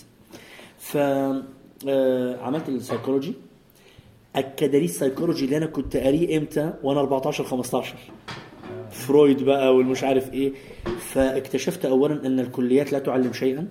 اللي أنت قاريه بره أكتر من اللي في في الملازم وال- والكراريس ده ولا حاجة ولا حاجة. الحاجة الثانية للأسف اكتشفت إنه التدريس للأسف فيه كمية كذب وخداع غير عادي. يدرس فرويد بتعظيم تبص كده لل- لل- للأستاذ وطردت كذا مرة من كذا محاضرة. يعني حصلت كذا مرة إن أنا بيبقى في محاضرات معينة في في الصيفي أبقى في شيء؟ آه أوكي. آه، الحكومة بس عشان آه، بيحصل إن طب يا أستاذ يعني مرة سألت الدكتور سؤال مباشر قلت له عذرا أنا لا سمعتك جبت سيرة البلخي. ولا ابن أبي الر... أسامي معينة عندنا ولا ابن أبي الربيع ولا مسكوي. الراجل ما يعرفهمش أصلا. ما يعرفهمش أصلا. ف... وحصل مرة إنه إنه كان في عندنا مادة في الصيفي بتتاخد آه، مقدمة إلى علم الاجتماع حاجة زي كده. اضطربت منها رسمي يعني قال لي قال لي, قال لي ما تحضرش. لأني ببقى متغ... طب على الأقل جيب لنا يا عم جيب سيرة ابن خلدون على الأقل. يعني مش مش معقولة. فاكتشفت للأسف إنه في كمية عقدة نقص غير عادية وفي كمية كذب. وهنا في حاجة مزعجة للأسف يعني هقولها. مزعجة للمصريين قصدي. أنت عارف إنه معظم الكتب في العلوم ما يسمى بالإنسانية هي بتاعت جامعة القاهرة في الستينات لحد دلوقتي في العالم العربي. اللي هم دول بقايا مين؟ بقايا الحملة الفرنسية. يعني من بقايا الحملة الفرنسية الناس اللي اللي اتباعت أدمغتهم لفرنسا من ذلك الوقت ورجعوا لنا هم اللي بقوا يورثون عقد النقص وعملوا المناهج اللي بعد كده بقت مصر بتوزعها. ما هي أم الدنيا بقى فهتوزع على الولاد. طيب فاحنا وبالمناسبه هتستغرب مش دلوقتي إحنا في عالم جوجل وال- والإنترنت؟ لحد دلوقتي الكتب اللي بتدرس في معظم العلوم الإنسانية والاجتماعية في العالم العربي بتاعه عين شمس والقاهرة من من ذلك الوقت. تصور. لحد دلوقتي. لحد دلوقتي. فكانت الاطلاله على علم النفس مساعدة بالنسبة لي إن أنا أعرف إحنا فين من الخريطة الحقيقية للعلم. آه، زهدتني جدا في في في العلم في العلم الغربي. حلو جدا. فبقيت بقى جدا جدا جدا. يعني آه، بقيت حتى بقول للناس بقيت أمشي عارف اللي ماشي يبرطع كده في ال- في الساحة اللي هو فيها؟ آه أنا معايا الحق. الناس دول ما عندهمش حق. عندهم شوية tools experiment شوية statistics.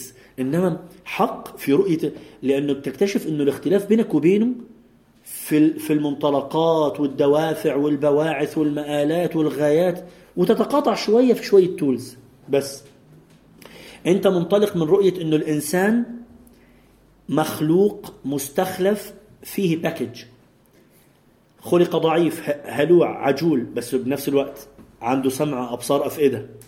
في نفس الوقت أحسن تقويم. هديناه السبيل هديناه النجدين. آه، فطرة الله كرمنا بني آدم. package هناك يا إما واحد زي فرويد يقول لك أنت بالوعة قدورات يا إما واحد يقول لك لا لا لا سيبك من فرويد. آه، أنت إنسان تسمو إلى الغايات العليا زي ماسلو في الهرم بتاعه. طيب ف يعني يطلع لك كل حاجة positive فيك ويترجم كل حاجة بطريقة آه، يحتال عليها عشان يطلعك كويس في المدرسة الإنسانية. طيب؟ يا إما المدرسة السلوكية اللي بتشوفك عبارة عن روبوت يا اما يا إما في تفاصيل طبعا ممكن يعني نخش فيها بعدين. إنما زهدت جدا في المدرسة الغربية. وبس بس ما زلت أقول للأسف لضعف هذه الأمة على شبابنا وبناتنا اللي مهتمين إنه يعرف الكلام ده عرفت الشر لا للشر ولكن لتوقيه. على بس الأقل. بس بس بعد ولا يعني يعني لازم مثلا ياخد علم الأول آه آه طبعا طبعا بقى آه، أنا عندي مادة ممكن نشير إليها اسمها مدخل إلى إلى فقه النفس مادة موجودة على على القناة عندي آه، رسالة إلى كل من يريد أو مهتم آه، في التخصص في العلاج النفسي في الطب النفسي في الإرشاد في اللايف كوتش في الكلام ده في حاجات لازم يعدي بيها الأول وبعدين يخش على الحاجات دي إنما يبقى غير مؤصل. أنا دايما بقول الكلمة دي. إحنا المشكلة في شبابنا أنهم للأسف يخرجون إلى الدنيا إلى الغرب إلى الدراسة إلى الابتعاث مشلحين مش مسلحين. يعني يعني يعني للأسف naked يعني آه وهو فاكر نفسه إنه wow يعني يا ما هنا يا ما هناك. طيب. صح.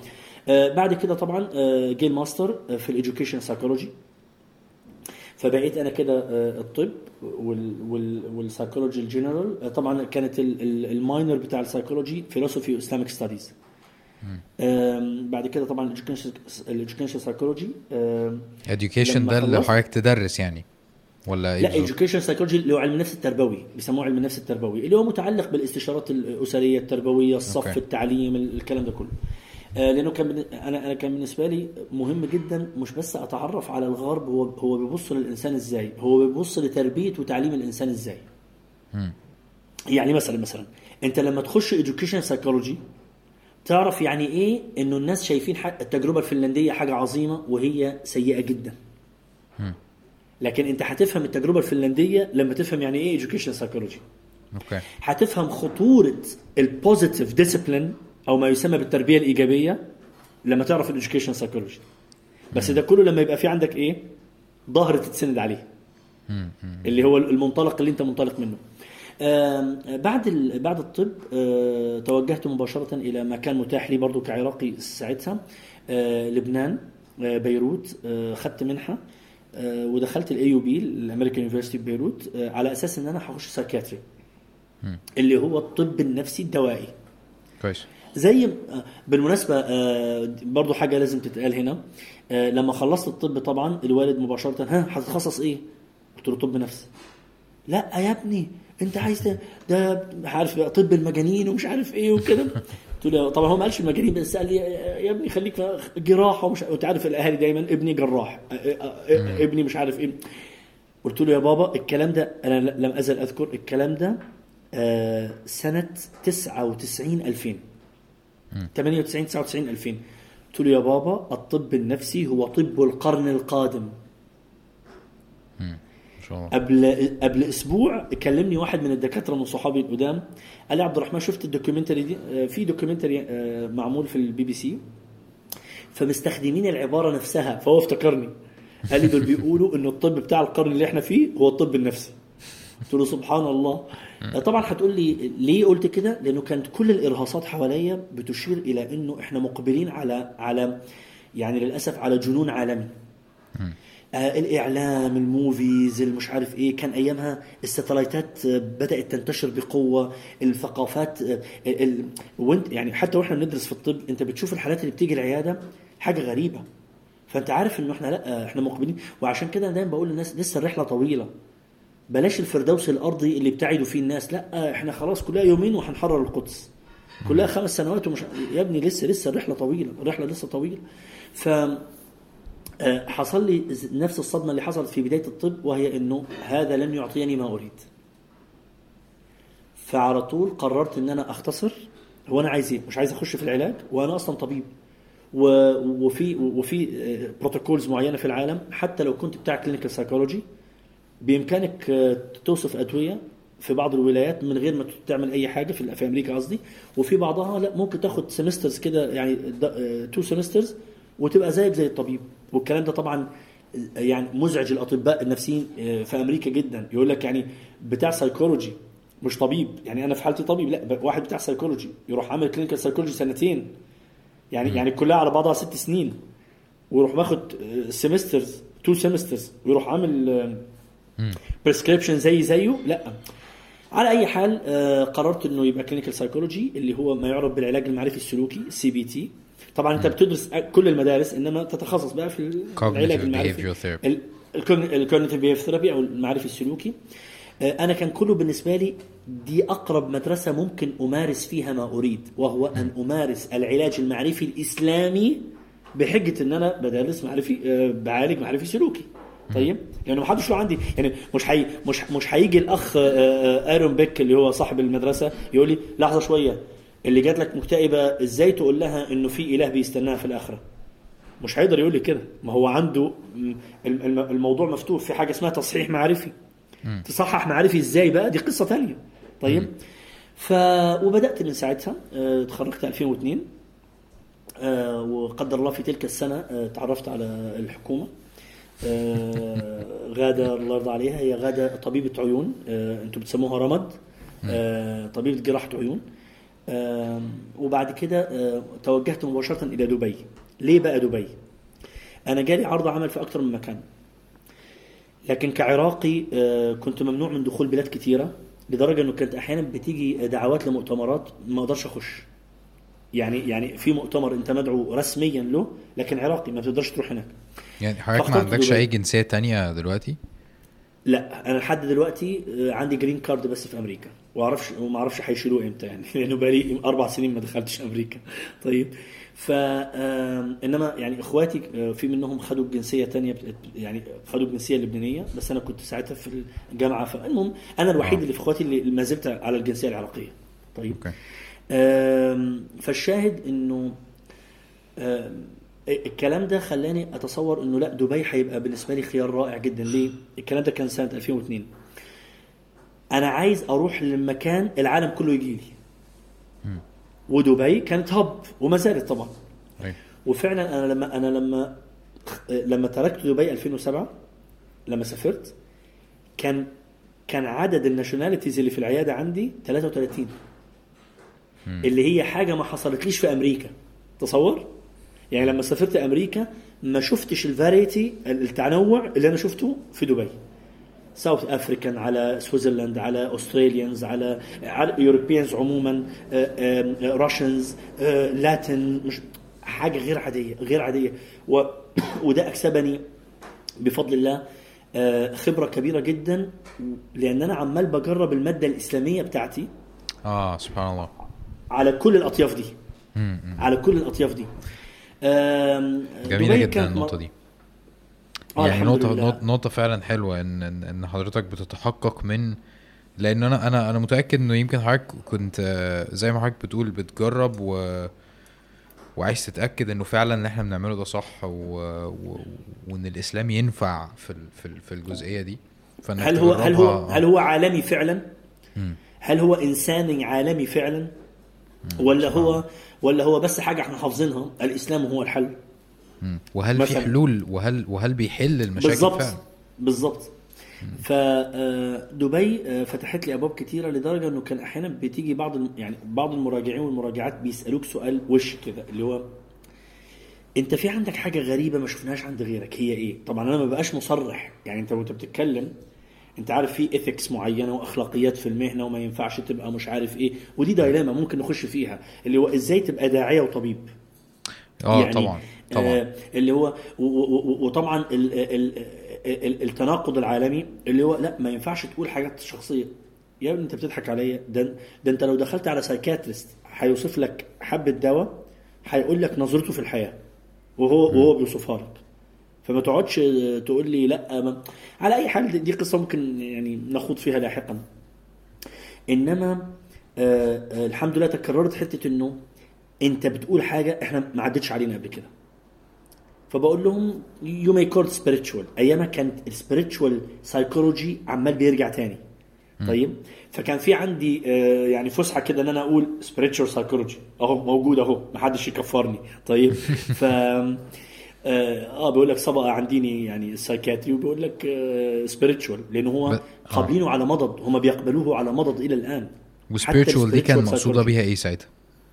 ساعتها كان إنه ال ال ال الممارسات الروحية عمال بتثبت صحة نفسية أو نجاح في علاجات أو في وقايات أو في منح دعامة نفسية للإنسان okay بس بس spirituality بقى إيه اللي هي يوجا تبقى تبقى تبقى, تبقى قاعد يعني عريان naked في المعبد بتاعك آه، تابع لأوشو آه، بتقرأ لديباك تشوبرا آه، بتمارس بتصلي بتروح الكنيسة اللي هو spiritual بقى. ممكن بتبقى تابع لفلسفة زن اللي مش عارف أي حاجة. واللي هي طبعا ممكن يعني يمكن مش عارف النهارده ولا في حلقات تانية نتكلم على هي إيه خطورة ال spirituality في مقابل الدين. لأن يعني في مدرسة كاملة دلوقتي بيسوقوا ال spirituality على إنها أحسن من الدين. spirituality love ال spirituality freedom ال spiritual اللي هو يسوقون اللي أنا بسميه دايما الناس تبحث عن دين سكر خفيف قليل التكليف. nice يعني يعني الدين مش مش آه يعني ال spirituality موجودة في الدين بس الدين مش تحت مظلة ال spirituality بالظبط وهم يسوقون وهم يسوقون لهذا بكثرة. عشان كده مثلا تقول لك إنه الهندوسية spiritual okay. بس مش دين. يعني آه، سنة 95 أقرت المحكمة الدستورية العليا في الهند. يعني لو أبعتها لك هتضحك لما تقراها. بيقول لك the Hindu religion هم بيبدأوا كده. the Hindu religion دين الهندوسية does not claim one prophet does not claim one god does not claim one creed does not claim. أمال إيه يا ابني؟ في الآخر يقول لك وهو حتى ما اسموش religion هو it's a way of life nothing more nothing less وهو لا يخضع لل... للمعنى الضيق ال narrow definition of the traditional religions اللي هو يعني إحنا براحتنا. إحنا آه بالظبط بالظبط عشان كده اللي هو آه، آه، أنجلينا جولي آه، تعمل فيلم Eat Pray and Love بعدين تبقى هندوسية. أهلا وسهلا بك في أحضان الهندوسية. مش هنقول لك اقلعي ما تقلعيش اتحجبي ما تحجبيش جولي روبرتس. عذرا جوليا روبرتس جوليا روبرتس. طيب آه عشان كده أنا بسميه دين سكر خفيف قليل التكليف. ودلوقتي عمال بينتشر. طبعا. عشان كده أنت دلوقتي بتلاقي بتلاقي فكرة إن اللي نزعت الحجاب وبتقول لك حدثني قلبي عن ربي أنت مالكش دعوة. أنا بتاع جلال الدين الرومي وابن عربي والصوفية والمش عارف إيه وما تقوليش صلي وما تصليش. وده بالمناسبة كلام قديم متجدد. ما هوش يعني الناس بيفتكرون إنها حاجة ظاهرة جديدة لا هي قديمة متجددة بس دلوقتي للأسف لها ظواهر مختلفة. زي ف... أي حاجة. آه آه بالظبط إحنا بالظبط. آه هي هي فكرة بدون مقاطعة هي فكرة إنه إحنا العالم ماشي في سكة جافة جدا و... وفي سكة يعني كونسيومرزم رهيب واستهلاكية ومش عارف إيه. فبشكل بشكل حتمي لازم الناس تدور على المعنويات والروحانيات والكلام ده. ف... ف... فدبي باختصار ادتني المساحة دي وكانت ال feedbacks اللي بتجيني من المراجعين والمراجعات لدرجة إن أنا أحيانا كنت بحتال حيلة أذكار الصباح والمساء آه كنت بترجمها من غير ما أقول لهم المصدر بتاعها. okay. طبعا مش بترجمها بقى يعني ما هياش تعويذة. لا ما هياش سبيل كده. لا لا. أه بترجمها وبقول لهم معناها. يعني مثلا كان في عندي أه واحدة كانت عندها أكتر من 18 سنة أكتر من تشخيص. فترجمت لها دعاء آه، الاستيقاظ وبعض أذكار الصباح. وطبعا بشرح لها المعنى. إنه every day is the first day of the rest of your life. طيب it's just a new day. طب هي بالنسبة لها إيه ده؟ يعني طبعا بنتكلم في معاني كثيره قضية الاهتمام بالنفس أهم من الآخرين وده مطلب عشان ت... وبدي أمثلة كثيره زي بتاعه الأكسجين ماسك في في في الطيارة حطيها لنفسك الأول قبل ما تحطيها للآخرين إلى آخره. هي بالنسبة لها جاية من خلفية لأ أنت لازم تذبحي نفسك عشان تبقي مخلصة للآخرين. هي جاية من خلفية من ضربك على خدك فادر له خدك. عارف اللي ففي يوم من الأيام قالت لي سؤال كده قالت لي قالت لي الكلام ده بيجي منين؟ يعني الكلام ده أنا ما سمعتوش قبل كده. وأنت عارف الأجانب تحديدا هي دي كانت أمريكية. الأجانب تحديدا بيعملوا search قوي. فهي بتبقى بتبقى عارفة مرضها أحيانا أكتر من الطبيب. لأنها جربت كتير. فقلتها قلت نفس الإجابة. قلت قلت لها you might convert spiritual فراحت دي طبعا لها قصة يعني آه، فغابت كده فترة. بعد فترة آه، جوزها كلمني. قال لي ليزلي عايزك إيه اسمها ليزلي. قال لي ليزلي آه، عايزة تشوفك ضروري. قلت له خير يعني خفت إنه يبقى في حالة إخفاق وفشل. يعني حصل ريلابس حصل قلت له في حاجة؟ قال لي لا هي عايزة تشوفك. طبعا تصور جوزها لا ديني. طيب. فأنا قاعد في العيادة لا بيا ولا عليا آه، فجأة يتفتح الباب على الميعاد تقريبا وتخش واحدة سكارف أكيد أكيد مش محجبة. scarf. آه، دخلت لابسة scarf وبتقول لي السلام عليكم. يا سبحان بلهجتها سبحان الله. طبعا طبعا ساعتها سبحان الله. آه عارف هم عندهم عبارة كده الأمريكان بيقولوا you got me فقلت لها ليزلي you got me يعني قالت لي I got you you got me أنا كلمة you got me اللي أنا قلتها أنا كان قصدي بيها إنك يعني خدعتيني. مم. فهي قالت لي I got you آه أنا أنا اكتشفتك. أنت مسلم.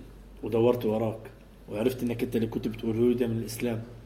what makes sense وأنا. ال Bible آه لأن أنا كنت ساعتها قلت لها اقري ال Bible لو عايزه فواحد حتى صاحبي قال لي أنت مجنون يا ابني. واحدة جاية لك لحد عندك تقول لها قلت له أنا في عندي قاعدة اسمها تغلية السلعة. اسمها ما إيه؟ ترميش كل حاجة عندك. تغلية السلعة. تغليت آه. آه إنك تغلي سلعتك. طيب؟ ما ترميش كل حاجة عندك. قلت له تصور لو أنا قلت له آه أنا مسلم بقى واقرأ القرآن مش. هتقول لك إيه؟ آه يبقى أنت كنت تلعب اللعبة دي كلها عشان تخليني مسلم. خلاص تدور. ولو هي صادقة ستأتي إن شاء الله.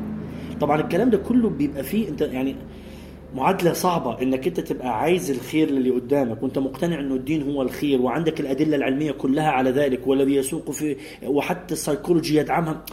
بس عندك ethics معينة ممكن توديك يعني ممكن تدخلك السجن. طيب؟ فإلى الحمد لله يعني دي كانت من القصص. آه تصور جوزها بيقول لي- الغريب إنه جوزها كان مبسوط قوي على إسلامها وهو مش مسلم. ودي حاجة متكررة شفتها كذا مرة عندهم يعني.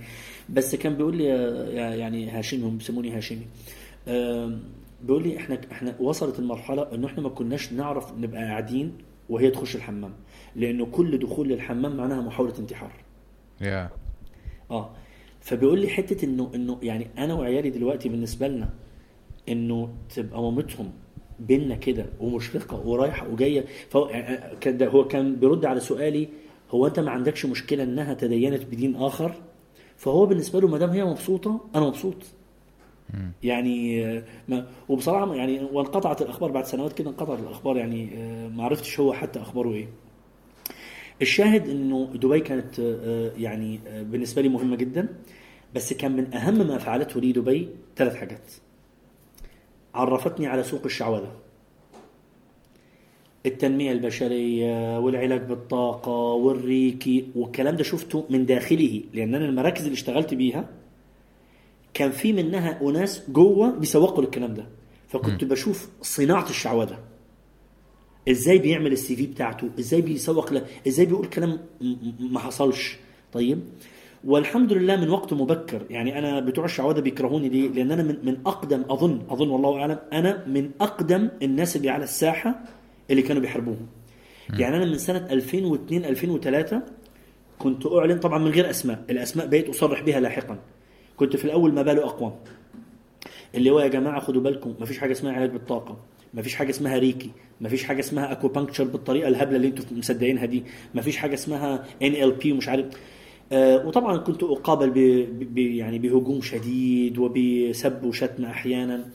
آه ومع ذلك ففي مقابل معرفة الشعوذة سبحان الله بعد شهرين من وجودي في دبي دبي كانت ساعتها ما هياش بالزحمة اللي هي دلوقتي. الناس بيعرفوا بعض بسرعة. فبعد شهرين فجأة لقيت القناة آه، أبو ظبي طلباني دبي عجمان الشارقة ام بي سي فيوتشر ال بي سي يعني آه، في شهر أنا فاكر مرة إنه في شهر واحد طلعت على 17 قناة فضائية. ما شاء الله. آه بس الكلام ده آه وقفني أحد الإخوة الشيوخ النضج يعني قال لي خد بالك أنت بتحرق نفسك. قال لي أنت مبسوط قوي إنك بتوصل خير ومش عارف إيه؟ خد بالك. يعني قال لي إيه؟ في ناس كده. آه، اولا آه، قال لي إنه آه، كثرة الظهور على على الشاشة هيخلي الناس تمل منك. هو كان بيتكلم الأول في حتة تسويقية ولا أنا ما بتهمنيش قوي بصراحة وأنا فاشل فيها أصلا يعني بس ما بتهمنيش. بس الحاجة الثانية كانت أمنية. قال لي خد بالك أنت بتتكلم كلام ما بيعجبش. قلت له أنا ما بتكلمش في سياسة. قال لي هي دي المشكلة. قال لي لو بتتكلم في السياسة هتتاثر مباشرة والمسألة سهلة. إنما أنت بتشتغل على حاجة هنا. والحاجة اللي هنا بتشتغل يعني بتشتغل عليها بتأصيل معين. في ناس مش عايزين التأصيل ده. و- والحقيقة كلامه كان صحيح بشكل يعني بشكل ملحوظ بعد كده. آه، ف- فدي الحاجة الثانية وهو الانتشار. الناس ب- بدأت تعرف من هو عبد الرحمن ذاكر. يعني يعني آه، بشكل أنا ما كنتش أتصوره. الحاجة الثالثه الدورات التدريبية. أنا ما كنتش أتصور في يوم من الأيام يا حازم إن أنا أقف أدرب الناس. ما كنتش يعني الكلام ده ما كانش في دماغي. يعني كان غاية ما يمكن أن يصل إليه يعني خيالي إن أنا ممكن أعالج حد مثلا آه، يعني أصلح بين اثنين عارف اللي يعني أوري حد يعرف نفسه إزاي. إنما آه، الناس لما اشتهرت المادة بتاعتي وبقوا بيقولوا لبعض وبقيت أشوف النتائج بسرعة أكبر مما كنت أتصور.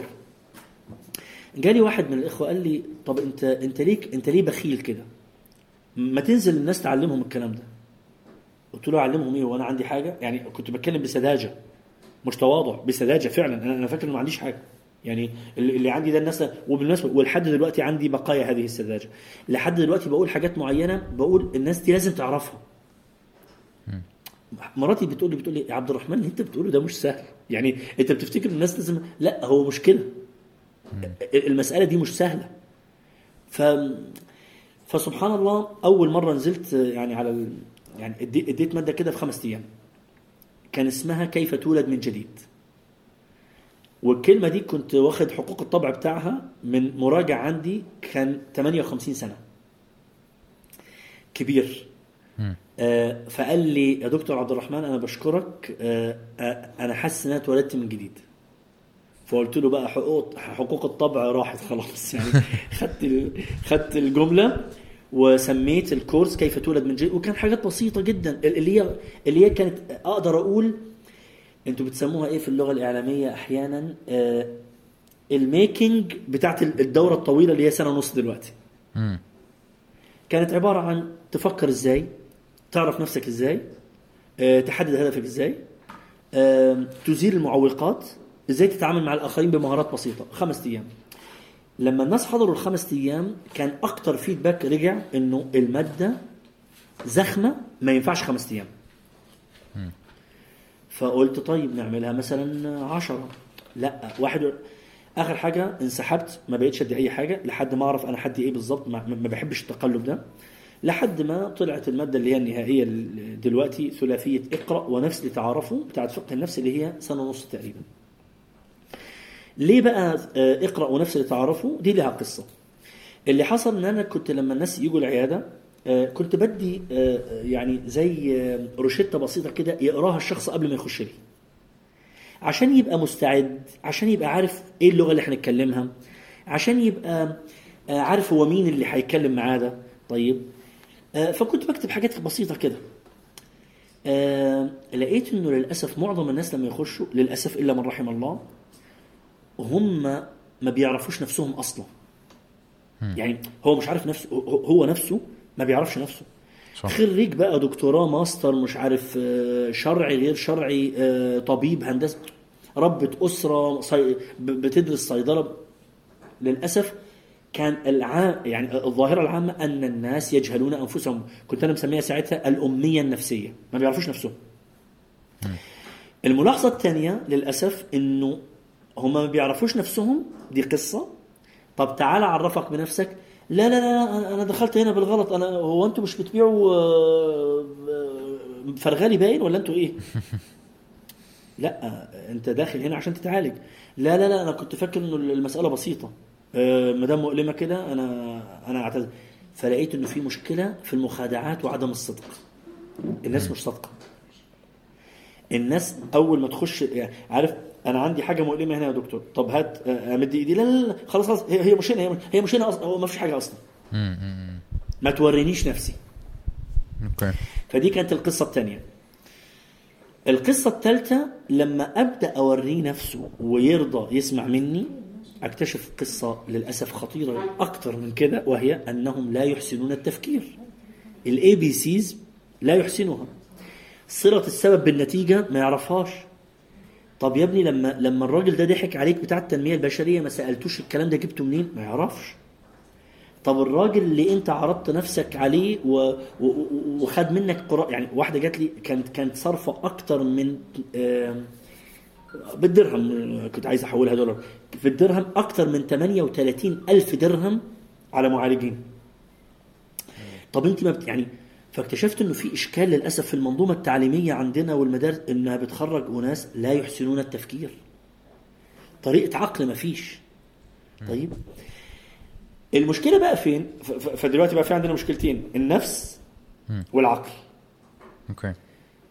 الناس بقى لما بتيجي لا بتسأل عن العقل ولا بتسأل عن النفس. أكتر من 82% دي مش إحصائية بتاعتي دي إحصائية عالمية. أكتر من 82 82% من الناس بيجوا عشان إيه؟ الآخرين. حماتي مراتي جوزي صاحبتي آه، زمايلي آه، بيكرهوني بيبصوا عليا آه، شو بي... رأيهم إيه؟ آه، خايف أقف قدامهم. مش. الآخر.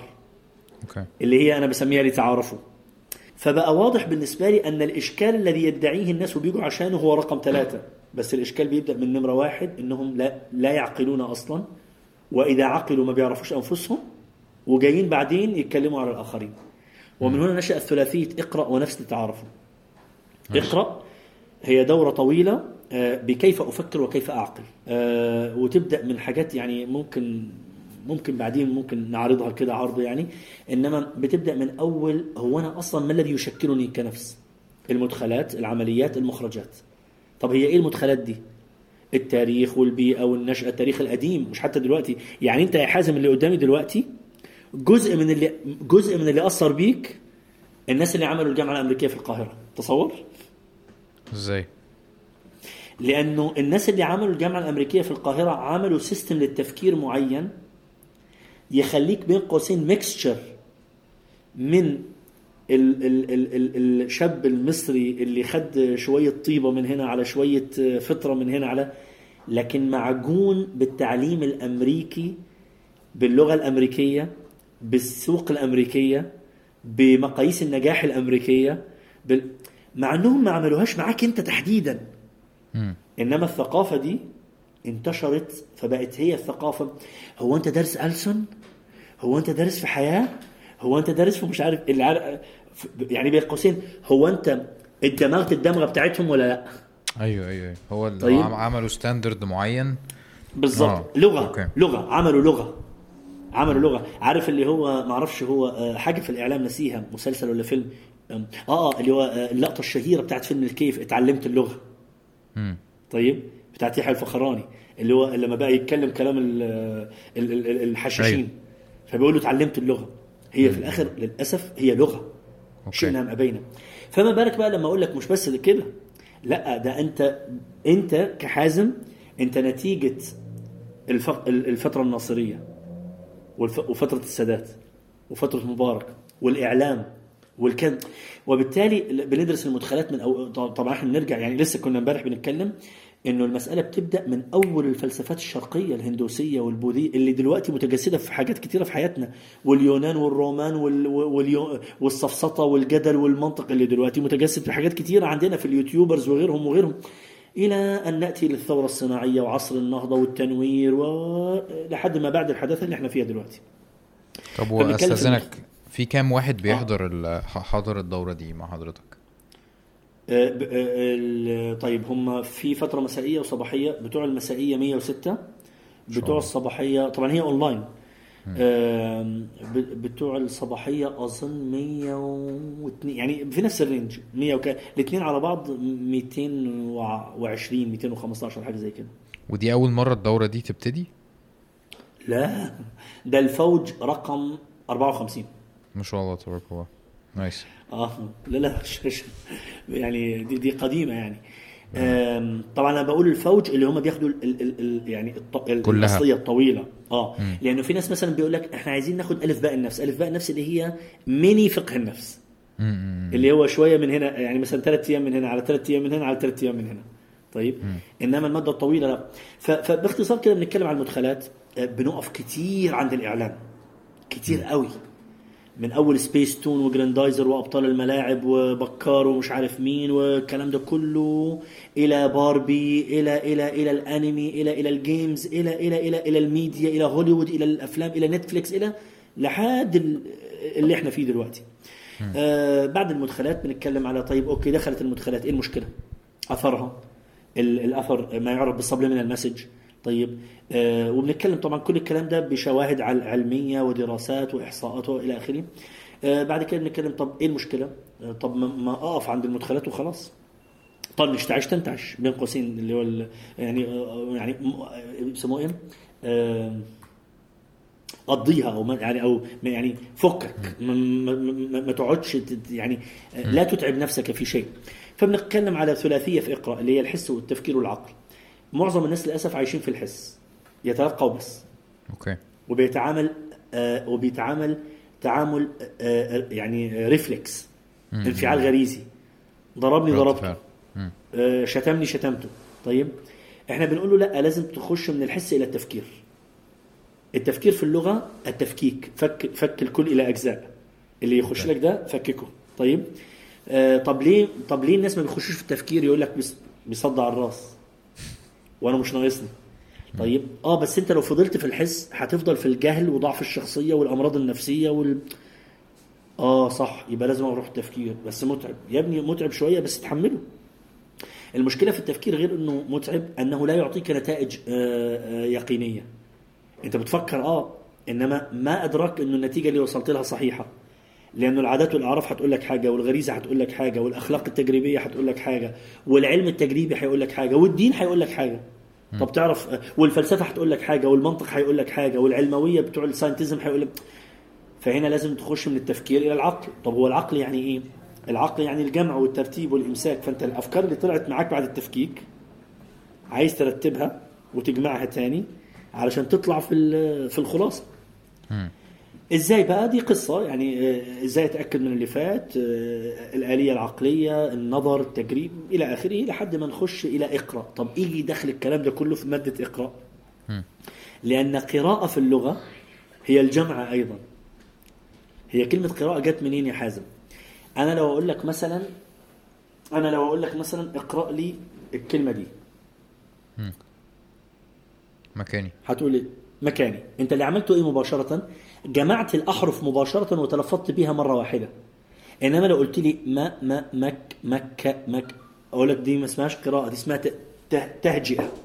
آه تهجد الفرق بين كويس. الاثنين الفرق بين الاثنين إنه القراءة أنت بتقرأ المفردات مفككة وبعدين تروح جامعهم بطريقة صحيحة ومتلفظ بيها.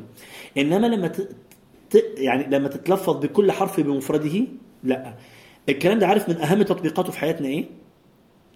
ما ندعي أنه قراءة للنفوس وهو تهجئه يعني إيه؟ إزاي؟ تقول لي يا أخي فلان ده أنا قريه قول لي إزاي؟ متكبر. ليه؟ شفت مشيته عاملة إزاي؟ آه أنت كده قريه يا ابني دي تهجئه ده أنت يا دوب قريت مفردة واحدة.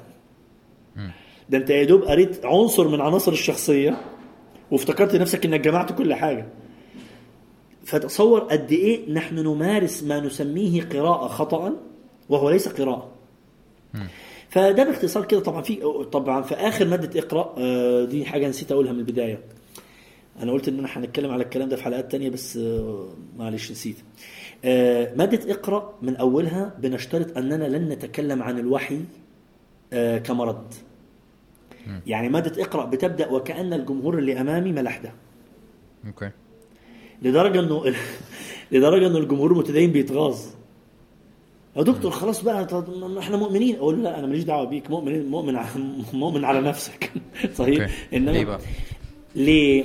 لأنه هو الغرض أن نبدأ بإقرأ بطريقة نقول للناس تعال تعال نشوف هل يمكن بتجرد وبموضوعية أن نصل إلى نهاية العقل.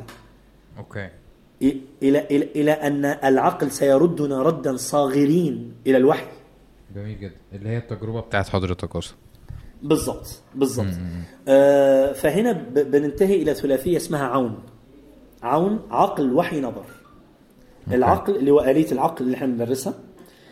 النظر اللي هو السعي والتجريب. قل سيروا في الأرض فانظروا. البحث التجريب الإحصاء الكلام. مش النظر اللي هو أبص لك يعني.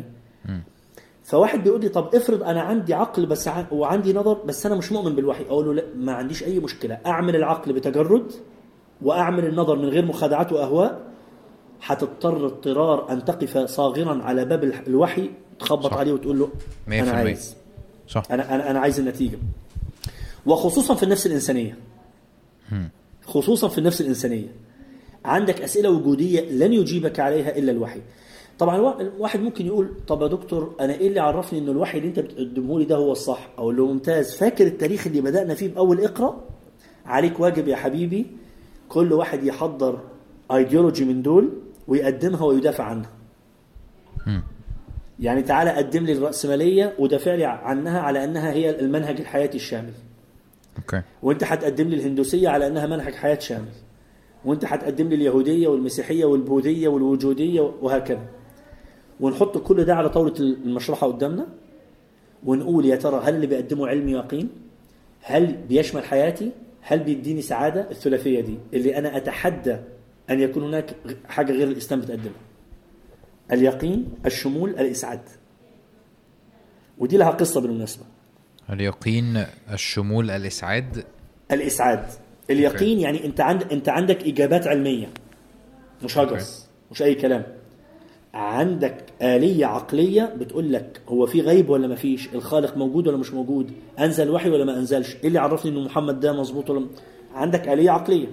okay. وعندك وعندك وبالتالي عندك إجابات أنت متسند فيها على مادة علمية. اثنين ما عندكش مادة مثلا MBA تدرسك ال MBA في ال في ال في الجامعة؟ إنما بتقول لك بس اوعى تستخدمها مع عيالك ده أنت تخسرهم. عيالك لازم يبقى في عندك عاطفة وود و positive psychology ومش عارف إيه. طيب؟ لا أنا عايز ده ده يعني مش أنا مش عايز أبقى إنسان مفكك علماني. حلو جدا. الدين الدين عنده شمولية. القانون اللي أنا بكلمك فيه دلوقتي هو لا يتعارض مع القانون اللي هاجر بنتي اللي قاعدة دلوقتي بتشتغل قدامي أكلمها فيها. ولا غادة مراتي ولا مريم آه، بنتي الأخرى. طيب؟ لا.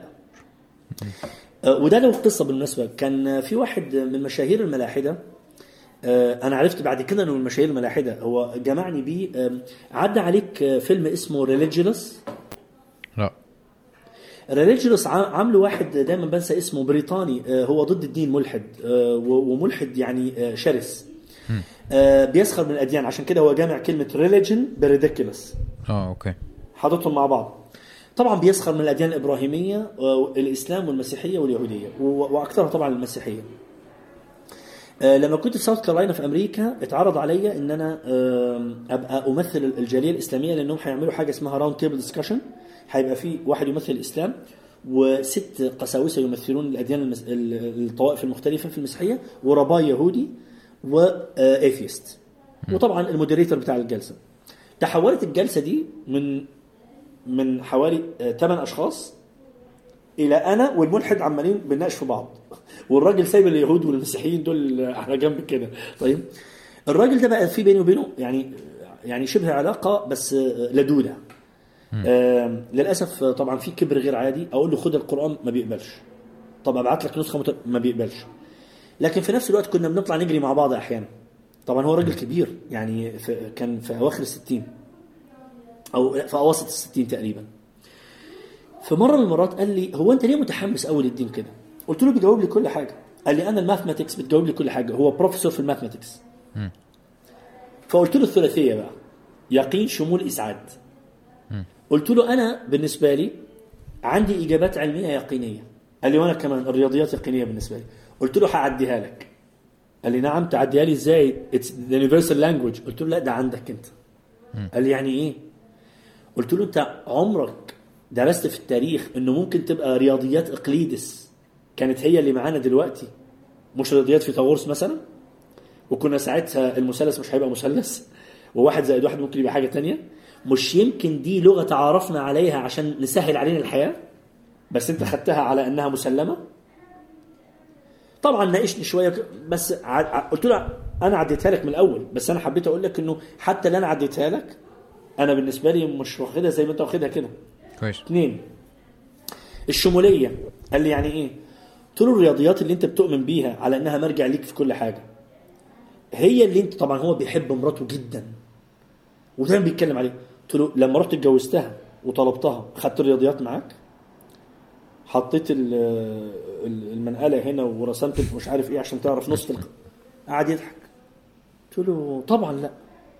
في معايير أخرى الرياضيات لا تعرف عنها شيئا. طبعا بجح شوية قال لي لا بس الرياضيات ممكن تحلها كمان. قلت له هعديها لك. الإسعاد. قال لي الرياضيات طبعا مسعداني أنا أنا سعيد لأن أنا قلت له طيب. بعد فترة كده سبحان الله قدر الله آه، برضه بنجري فوقفنا عشان كان عايز يشرب مية. فلقيته مطلع حباية كده معاه الحبايه دي أنا عارفها. جزء من جزء من الشغل. واقف واقف فيها Prozac pain killer فأنا آه، لا لا آه، Prozac آه، antidepressant آه آه okay. حلو. طيب. آه وعشان كده بالمناسبة في documentary خطير اسمه Prozac Nation بيتكلم عن أمريكا. بيسميها أمة بروزاك طيب. آه أنا ساعتها طبعا ليس من ال يعني م- ليس من الذوق ولا من المروءة إن أنا أعلق عليه ساعتها. آه. فعديتها بعد فترة هو فتح الموضوع تاني بتاع الإسلام والدين قلت له نرجع للثلاثية. قال لي آه نرجع. قلت له كده جينا عند الإسعاد. قلت له الرياضيات مساعداك؟ قلت له البروزاك أخباره إيه؟ قال لي لا دي قصة ثانية ومش عارف. قلت له ليه؟ قال لي أصلهم قالوا لي إن أنا هتقاعد بعد كم شهر. قلت له وال math فين؟ ما المفروض إنها معاك حيثما كنت. طبعا الراجل ده طبعا اتخرج من هنا بقى بيعزف band هو ومراته في في night club وشغال بقى دلوقتي advocating for atheism واكتشفت بعد كده إنه صاحب مين؟ ريتشارد دوكنز اللي هو أشهر ملحد في العالم أنا ما كنتش عارف إنه للدرجة دي. الراجل ده الراجل ده اللي هو مخرج الفيلم ولا الراجل ده مين؟ لا لا لا لا لا لا مخرج الفيلم ده آه، أنا بس قلت لك إنه القعدة كانت عشان الفيلم okay آه آه فهمت فهمت فهمت. إنما إنما لا طبعا هو ال- بالمناسبة اللي كان عامل الفيلم اسمه آه، عذرا أنا قلت أنا قلت بتاع بريطانيا لا الأمريكاني اسمه بيل مار أو بيل ماهر هو stand up آه كوميديان عارفه آه. آه بيل مار. ده ملعون. آه, آه سيء جدا للأسف ويعني والفيلم كان يعني حاجة سخيفة بس للأسف يعني. آه إنما اللي كان البريطاني اللي أنا كنت بتكلم عليه الأولاني آه عنده آه فيلم اسمه Invention of Lying اختراع آه. الكذب. عارفه اللي. هو قال إنه آه اللي قال إنه الكذب بدأ مع الدين. يعني المهم. ف وبالمناسبة برضه كل حاجة بتجيبها. الراجل ده له صورة باسم يوسف بيتصور معاه سيلفي على السجادة الحمراء في مش عارف في كان ولا فين.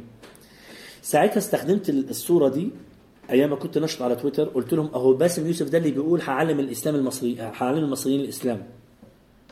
رايح مبسوط قوي بيتصور مع واحد ملحد بكل بجاحة.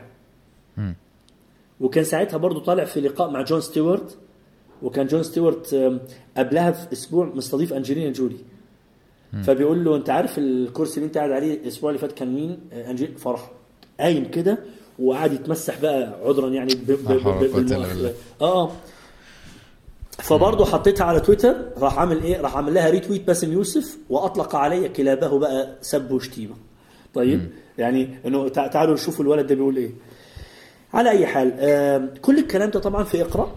آه بنطلع من إقرأ على إنه إقرأ باسم ربك مش بأي حاجة تانية. فتعال نخش طب أقرأ إيه؟ اقرأ نفسك بقى ونفس. حلو. أنا كنت عايز أسأل حضرتك أصلا من ساعة ما اتكلمت عن آه الناس اللي جاية مش عارفة نفسها.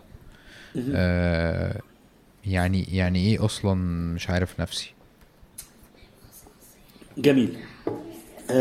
إحنا عادة بنلف وندور حول سؤالين. من أنا ولم أنا؟ who am I and why am I لما تسأل حد هو أنت مين؟ وتشترط عليه وأنا بقول الكلام ده. بشترط عليه دايما إنه قول لي أنت مين؟ بشرط ما تقولش اسمك ما تقولش جنسك ما تقولش مهنتك ما تقولش دينك ما تقولش هواياتك ما تقولش بتحب إيه. فالناس طبعا تفضل بقول لهم تفضل تفضل انت مين؟ لأنه أي حاجة هتقول أنا كذا أنا اللي كذا دي هو اللي أنا بقول لك ما تقولهاش. أنا بقول لك أنت مين؟ الأنا. عبد مش عارف. آه، طبعا للأسف آه، لما تقرأ في يعني ده, ده, ده أحد الفروق المهمة بين فقه النفس وعلم النفس. علم النفس لما يخليك عبارة عن كائن neurotransmitters والكلام ده يجعلك اقرب ما تكون إلى المملكة الحيوانية، أنت حيوان متطور. إنما لما تنطلق من من حد بيقول لك آه، أنت مخلوق نفس إنسانية كل واحدة من الثلاثية دي عندها تعريف. كونك مخلوق بيتعلق بها الحاجة والفقر والنقص. كونك نفس بيتعلق فيها إنك عبارة عن خليط من من software و hardware جسد وروح وكل واحدة من دول لها غذائها وعللها وأمراضها ومش عارف إيه و... وكونك إنسان له تعريف برضه okay. تبعات وتكاليف و... و... وأوصاف معينة توصفت بيها في هذا الكتاب اللي أنزله لك اللي خلقك. هو هو ده الرد على السؤال بتاع أنت ده الرد ده, ده الرد على من أنا. okay. طب بس كده لا ما هو دول هم هم ال- ال core هم ال built in قول لي بقى بعد كده إيه اللي حصل لل core ده؟ علشان خلى عبد الرحمن وخ- وخلى حازم وخلى غادة وخلى مريم وخلى هاجر وخلى اسمها إيه؟ صحيح أنا بس بس بسمعك بتقول الاسم بس بنسى. بنتي؟ آه. زاد. ذات آه ذات لا لا آه، زاد. زي ألف دال. آه زاد. آه زاد الطريق. نعم زاد آه التقوى أوكي. آه ربنا ربنا يجعلها كذلك. نعم. آه افتكرت ذات بمعنى الذات ال- آه، ذات الشيء. آه. ف بعد كده بقى بنتكلم إيه؟ تعال نشوف الثلاثية دي. النشأة حطت عليها إيه؟ الإعلام ضاف لها إيه؟ المش... بس في الآخر ما عندكش حجة تقول المدخلات بس هي اللي هتعمل كل حاجة. لا أمال العمليات بتعمل إيه. أمال ليه؟ أمال ليه عندنا ممكن يبقى في اتنين خدوا نفس المدخلات طلعوا مخرجات مختلفة؟ يبقى تعالى نشتغل على العمليات. اقرأ بقى كلها عشان العمليات. أوكي. حلو آم، بعد بعد اقرأ بعد اقرأ بنخش على ونفس عشان نع- نعالج بقى من أنا. فاحنا لما بنعالج من أنا بنعالجها في حتتين. آم، آه، قراءة عامة وقراءة خاصة. قراءة عامة وقراءة خاصة يعني إيه؟ قراءة عامة اللي أنا قلتها مخلوق نفس إنسانية. وده ينطبق على كل حاجة. أنا لما أعرف إن أنا مخلوق ونفس وإنسانية بالطريقة اللي ربنا قالها كل حاجة هتندرج بعد كده وأنا بقرأ نفس القراءة الشخصية اللي هو عبد الرحمن العراق الكويت الخبر الأردن المش عارف إيه المدرسة الحارة المسجد الم... كل حاجة قلتها هناك منطبقة هنا. طب هو فلان عمل كده آه، آه، هو ليه ضربني وأنا صغير؟ أصل هو كمان مخلوق ونفس وإنسانية وأنت مخلوق فافتكر الحاجة دي وأنت بتتكلم عنه وأنت بتتكلم عن نفسك. طيب؟ طب وهو مامتي زعقت لي ليه؟ أصل ماما برضه هي عبارة عن نفس أنت ما أنت أنت بس ناسي عشان هي ماما بس هي نفس في الم... يعني هي بس هي جواها حاجة غير ال- الماسك اللي أنت شايفه بنخوض طبعا في نفس كلام كتير بنخوض في المخلوقية وعلاقتها بالحاجة والألم واللذة ونطلع من الألم واللذة كلام يعني علاقة الألم واللذة بالشقاء والنك والكبد والطمأنينة والسعادة والرضا وإيه معنى الشقاء؟ طب طب هو لما قال له يخرجنكما في من الجنة فتشقى، طب هو قال هتشقى أهو. بس ده شقاء إجباري في شقاء اختياري. فإما يأتينكم مني هدى فمن اتبع هداي فلا يضل ولا يشقى. يبقى في شقاء اختياري وفي شقاء إجباري. الشقاء الإجباري هو أن أنت مش في الجنة. نزلوك من فندق سبع نجوم للفيلا اللي أنت ساكن فيها فبتعتبر الفيلا اللي أنت فيها شقاء. لأنك نزلت من السبعة. طيب إنما إيه أخبار الشقاء الاختياري؟ إنه كان في software اداهولك وأنت ما خدتوش آه بنتكلم مثلا عن الألم واللذة وعلاقتهم مثلا بمشكلة الشر. هو ليه ربنا خلق الشر؟ لأنه معظم الشر ألم. يعني ما فيش حد يسألك عن الشر إلا هو بيسألك عن ألم. آه بنتكلم عن علاقة الألم واللذة مثلا بالسعادة والرفاهية والمتعة وال roller coaster وال Formula 1 وبرشلونة ومدريد وال- والحشيش والكوكايين والصحبة والمش عارف إيه. لأنه كل ده له علاقة باللذة. بنتكلم عن حاجة اسمها رفع سقف المعقولات وخفض سقف التوقعات. إنك عشان أنت عرفت إنك مخلوق هتتالم يبقى ارفع سقف المعقولات وتوقع إنه هيحصل معاك أي شيء من هذا القبيل. وبلاش حتة إنه ولادي عايشين إلى الأبد وجوزي معايا إلى الأبد ومراتي لا لا الكلام ده مش آه بس ده تشاؤم. لا. بالعكس الدراسات تقول إنه بتوع قانون الجذب وال positive psychology أكثر تعرضا للإحباط من غيرهم. لأنه المناعة النفسية بتاعتهم بتحبط. صح صح. كل حاجة طيب. مادية. بالظبط. لا ومش بس كده. في حاجة عندهم اسمها ال thought suppression هو شايف الخطر جاي له فيروح عامل suppression لل thoughts لا, لا لا لا أنا كويس أنا قوي أنا أقف قدام المراية خمس مرات 21 يوم أنا قوي أنا قوي أنا قوي. هيحصل إيه في المناعة النفسية؟ هتهبط. لأنك أنت أقنعتها إنه مفيش لزوم. ف فدي مشكلة. يعني من تطبيقاتها مثلا هتتفاجئ إحنا بنخش من الألم واللذة على المقاصد الشرعية إزاي المقاصد الشرعية جت علشان تحميك من أن تتألم الما دائما ويبقى في عندك لذة دائمة مم. طيب آه بنخش مثلا على حتة آه آه الحجة بتاعت إن الله يحب أن يرى أثر نعمته على عبده مع انه إحنا بنستغرق في الاستهلاك بحجة ان أثر النعمة. بنخش مثلا من من الألم واللذة على حتة طب إزاي أتعامل مع الألم؟ طب يعني طب يعني آه، ممكن يخف الألم ده؟ ممكن أت... أ- يعني أتصالح معاه لدرجة إن أنا أبقى آه، يعني الألم ده بالنسبة لي حاجة تعدي كده؟ في حاجات كتيرة. بعد الكلام ده كله بنخش طب أنا قريت نفسي. طب وبعدين؟ تعال نشوف الحاجات البلاوي الزرقاء اللي أنت شفتها تتعامل معاها إزاي؟ بعض الناس بيتهرب منها. بعض الناس يروح قافل على نفسه الباب ومعيط. بعض الناس آه، يروح هارب منها إلى المخادعات. social media بقى وإنستجرام وحشيش ومش عارف إيه وإلى آخره. نقول له لا تعال نبص على الحاجات اللي أنت فاكرها إنها مش كويسة. إزاي ممكن ينظر لها نظرة مختلفة؟ وإزاي لو كانت مش كويسة نعالجها؟ طيب آه وهنا بنتكلم في حاجة هتستغربها اسمها التحديث بنعمة الله. اللي هو كل حد في التدريب كل حد يقف قدام الجمهور ويتكلم عن أحسن حاجة فيه. خد لك بقى المخادعات بقى بتحصل. لا يا دكتور مش ده غرور؟ مش إحنا ما ينفعش نتكلم طب تعالى تعالى حبيبي تعالى. تعالى. ما هي دي دي في حد ذاتها مخادعة. تعالى أوريك نصوص قرآنية ونبوية وقصص من الصحابة والتابعين أنهم كان إذا لزم الأمر ذكر نفسه بما فيه من الخير. صح. وبناخد مثال رائع على ده. آه، ما أعرفش أنت شفت العنوان ده ولا لا. في عندي مادة اشتهرت كتير اسمها قد أتأخر فأسبق الجميع. حوالي 380 فايدة نفسية من حديث المخلفين الثلاثه بتاع كعب وصاحبيه في غزوة تبوك. سبحان الله. تصور بني آدم حديث كامل عن تخلفه ويبدأ أول جملة يقول إيه؟ لم أتخلف عن رسول الله صلى الله عليه وسلم في غزوة غزاها قط إلا في غزوة تبوك. إيه ده؟ إيه الجمال ده؟ يعني لو لو واحد ما بيفهمش يقول له يعني حاشاه طبعا حاشاه حاشاه هيقول له إيه البجاحة دي؟ بقى أنت متخلف وكل الحديث عن تخلفك وجاي تقول لي مش عارف آه. ليك ليك. عين ومش عارف إيه و... ليك عين آه. بالظبط. فبنتكلم عن حاجة اسمها التحديث بنعمة الله.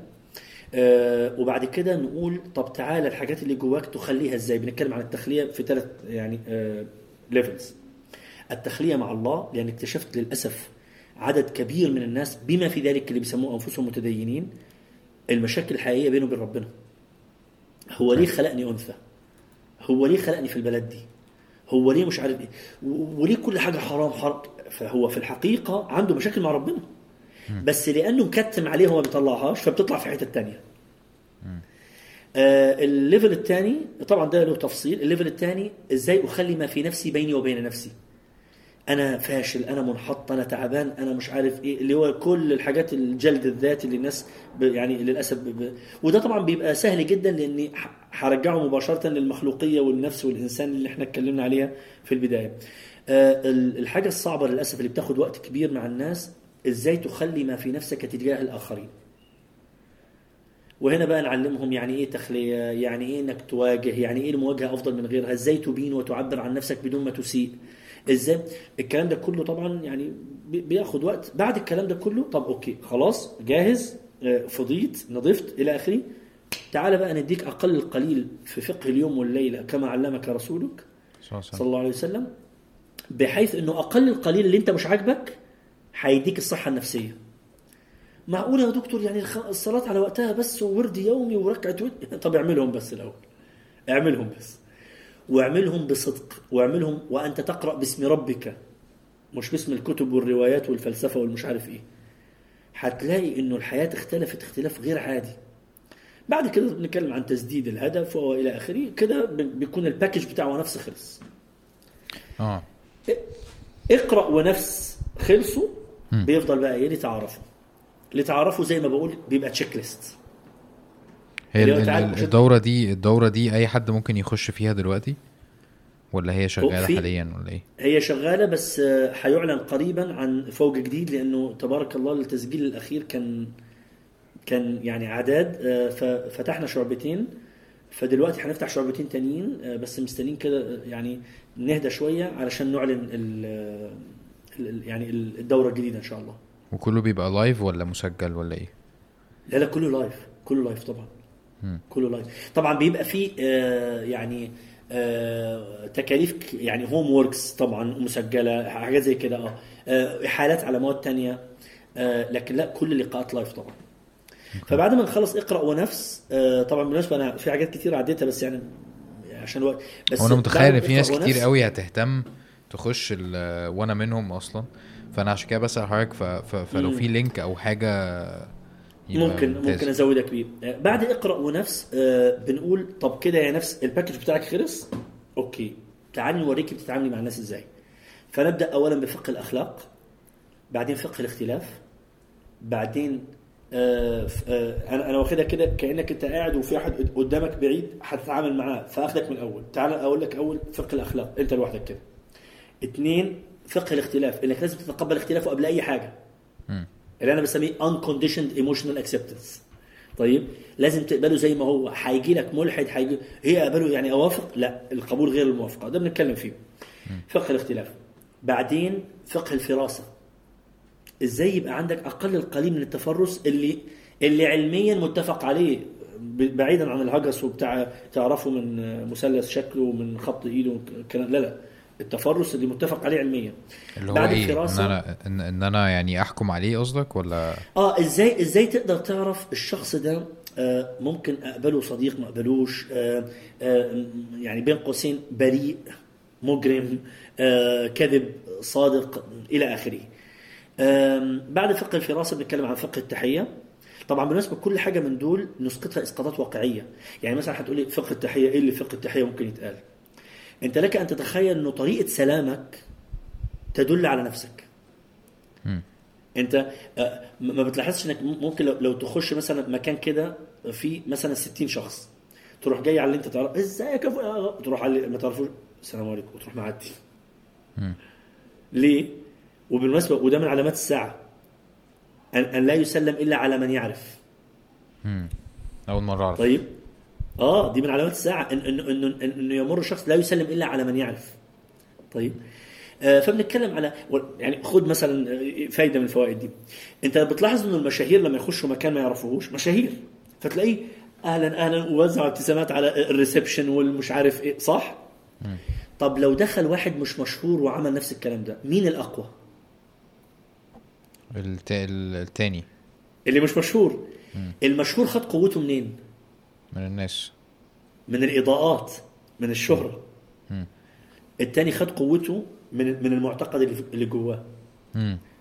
أنا I don't care أنت تعرفني ولا تعرفنيش. السلام عليكم. ده ملمح كده سريع. يعني في, في تطبيقات كتيرة. بعد فقه التحية والسلام بنتكلم عن فقه الحوار والإنصات واللي هو للأسف في عندنا إشكال كبير فيه في حياتنا اليومية للأسف. بعد فقه الحوار والإنصات بنتكلم عن فقه الدعوة. إزاي أنت ممكن تدعو وده بنقسمه لثلاث مستويات.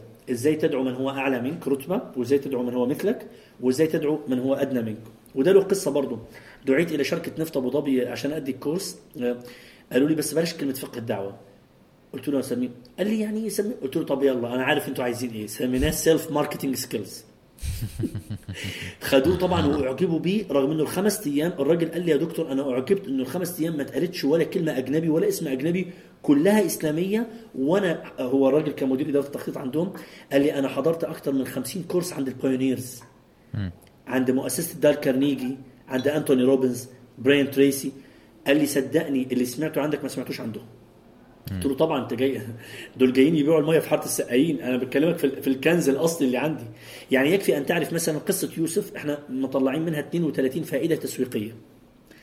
قصة الهدهد لما رجع متأخر بدل ما يتحول إلى إلى موظف يعاقب تحول إلى بني آدم بقت في في ميزان حسناته كل اليمن. طيب مطلعين منها حوالي 17 أو 18 فائدة تسويقية. غني غني. أنت عندك كنز الله. آه بعد فقه الدعوة بنتكلم على فقه الجدال والحجاج والمناظرة الديبيتنج آه وقبل الأخير فقه الخصومة وآخر حاجة فقه الرحمة. وهكذا ينتهي package الدورة كلها وكل واحد يخلص لازم يقدم مشروع يلخص فيه الدورة عمليا. يا nice آه. ما شاء الله. طبعا. يعني لازم توريني الدورة دي عملت إيه في حياتك؟ بمشروع. ده سنة ونص. آه آه، هي هي آه هي عادة بتاخد سنة ونص لأنه يعني آه، حسب توزيع الأيام والكلام ده لأنه يعني آه، دورة اقرأ لوحدها 20 يوم آه، 20 لقاء تدريبي آه، ونفس 20 ل 25 لتعرفوا نفس الشيء تقريبا فأنت بتتكلم كده على باكج متكامل تقريبا بنتكلم في 100 في 100 لقاء تدريبي مم. طب وحضرتك هدفك إنه الناس اللي يخرجوا آه، ده يبقى مجرد إن حضرتك بت بتربي مثلا شباب ولا إنه يخرج منهم مثلا آه، ناس بيفكروا زي حضرتك ويمارسوا نفس ال ال في ناس في ناس دلوقتي الحمد لله يعني أنت بتتكلم على حاجة أنا بسميها التوريث. طيب؟ آه لا طبعا الحمد لله. في ورثة الحمد لله. في ورثة دلوقتي عند طلاب وطالبات أفخروا بهم الحمد لله. يعني آه، يعني خليج هنا أمريكا أوروبا يعني بفضل الله الحمد لله. يعني وأحيل عليهم بكل أريحية بكل أريحية الحمد لله. ما شاء الله. آه يعني أنا أنا أنا عذرا، عايز أحضر. أنا. بس اتفضل. أنا بس أرجع شوية لورا. جدا. كل الكلام ده إحنا ال- ال- الاستطراد ده كله كان عن إيه؟ إنه ده كان خلاصة دبي. أوكي. في آخر 2007 واللي هو عذرا عشان برضو أرجع إحنا كنا بنتكلم في ثلاث حاجات ادتها يعني ادتها لي دبي. آه. عرفتني على الشعوذة الانتشار الدورات. الدورات آه. فخرجت المادة دي آه، بفضل الله ويعني وبدأت تطلب كثيرا الحمد لله. آخر 2007 آه، جات لي مكالمة آه، آه، لازم تروح آه، دائرة الجوازات عايزينك في حاجة. ليه في إيه؟ آه، المهم آه، رحت طبعا. سلام عليكم. أنت غير مرحب بك في البلاد. فتم إبعادي آه، من الإمارات. 2007 ده آه، كان آه، اللي هو آخر 2007 بوش. آخر 2007 آه، أيامها كان أظن أواخر بوش أوباما ناس لا لا أظن أوباما لا أوباما أوباما. أوباما آه. آه، لكن باختصار وأنا لحد دلوقتي ما أعرفش ليه لحد دلوقتي. مع إن أنا كنت أنا عارف المفروض إن المخابرات هي اللي تلحقني. كنت أنا اللي بلحقهم بكلمهم وبيتهربوا مني. أقول لهم يا جماعة أنا بس أنا عايز أعرف أنا عملت إيه. أنا ماليش دعوة بالسياسة. يعني الله أعلم بس سبحان الله في نفس الوقت آه، كان كانت مراتي آه، عايزة تتخصص آه، يعني تاخد الزمالة الأمريكية. فجت سبحان الله يعني مع بعض كده وأنا قلت كمان عايز أجرب تجربة جديدة في الشغل في في التعرف على فرحنا أمريكا. فضلنا من 2008 إلى آخر 2011 بداية 2012 يعني مع الثورات تقريبا. ورجعنا الأردن ومن ساعتها أنا في الأردن كونت مركز مكاني أشرف عليه عيادة دورات محاضرات إلى آخره وبلف في المنطقة وهكذا لحد ما قابلت شخص اسمه حازم الصديق آه بس.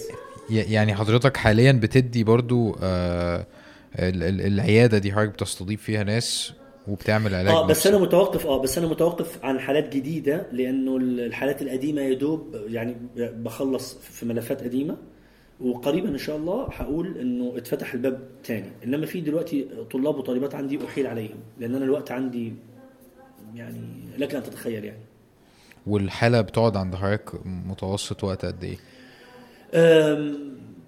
مفيش يعني مفيش يعني مثلا حد جاي كل الإشكال بتاعه آه، إنه عنده آه، كرب شديد مثلا لفقد عزيز. ده قد قد أكتفي معه فقط في جلستين وبعدين أحيله على مادة تدريبية مكثفة أو مادة موجودة على اليوتيوب. okay. طيب شخص آخر لا. ممكن يبقى حالته مع إنه برضه نفس الكرب لكن آه، هيضطرني إن أنا أقعد معاه سبع إلى يعني ست إلى سبع جلسات على الأقل. أطول حالة آه، قعدت معايا اللي هي الأمريكية اللي قلت لك عليها ليزلي. ده في حياتي. ده يعني ده, ده الريكورد كان بتاعي. إيه؟ دي قعدت 11 جلسة. اللي هو ده كام؟ خمس شهور مثلا ولا أربع شهور؟ ال- الجلسات الجلسات بتعتمد أحيانا بي- بيبقى فيه آه، يعني هو المفروض إنه تبقى الجلسة على الأقل كل أسبوعين إلى ثلاثة. بس مش كل أسبوع. أنا أنا حتة كل أسبوع دي أنا برفضها. في حالات استثنائية. لكن كلما آه، تقاربت المواعيد بقى في نوع من ال dependence والاعتمادية انت مش عايزه. أيوة. انت بالعكس انت عايزه انت عايزه يبقى نوعا ما مستقل وانت بتديه ال keys المفاتيح وتمتحنه في الحياة اليومية هو بيعمل إيه.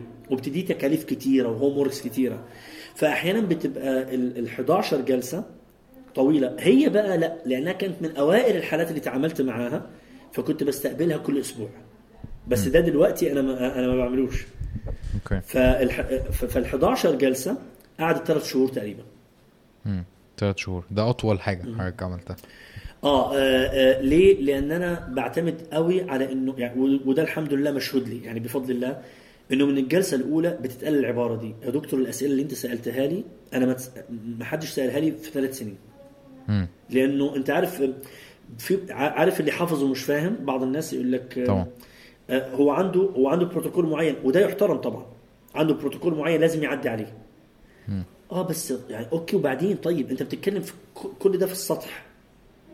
أنا ممكن يبقى عندي حد من أول جلسة أعرف إن المشكلة بتاعته الحقيقية هو في التعلق المرضي. فأروح داخل هنا. هل ده دايما؟ لا. ممكن يبقى الدخول في العمق ده ممكن يؤذيه. ف... يعني ما اخش فيه من أول. بس يبقى عندي هو عندي في الأجندة بتاعتي إن أنا لازم أتكلم في الحكاية دي.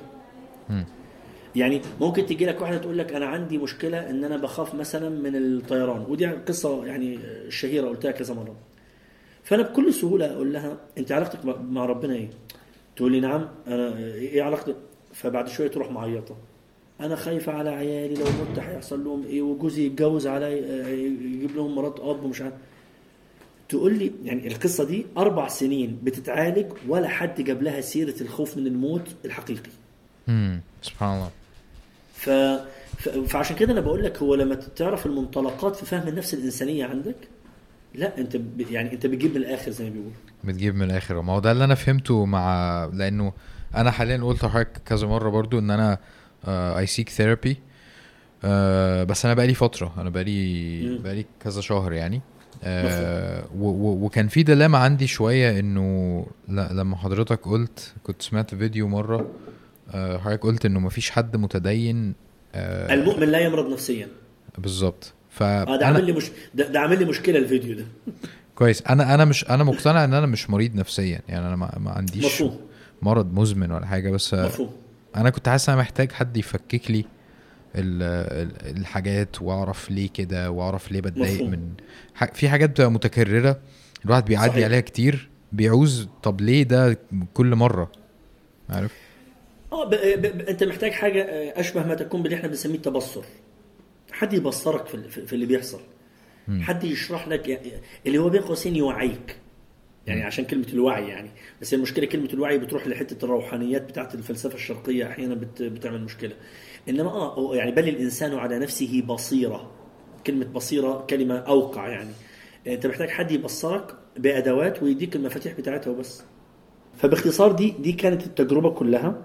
آه، أمريكا طبعا زي ما قلت لك آه، إدتني آه، آه، اطلاع على الجاليات العربية المسلمة بشكل كبير. آه، ال- التأكيد اللي أكدته لي الجاليات في دبي الأجنبية تأكد أكثر في أمريكا. وكم وكم الحاجات المحزنة للأسف إنك بتشوف الأمريكان بيقبلوا مادتك اللي فيها نصوص إسلامية أكثر من بعض العرب المسلمين.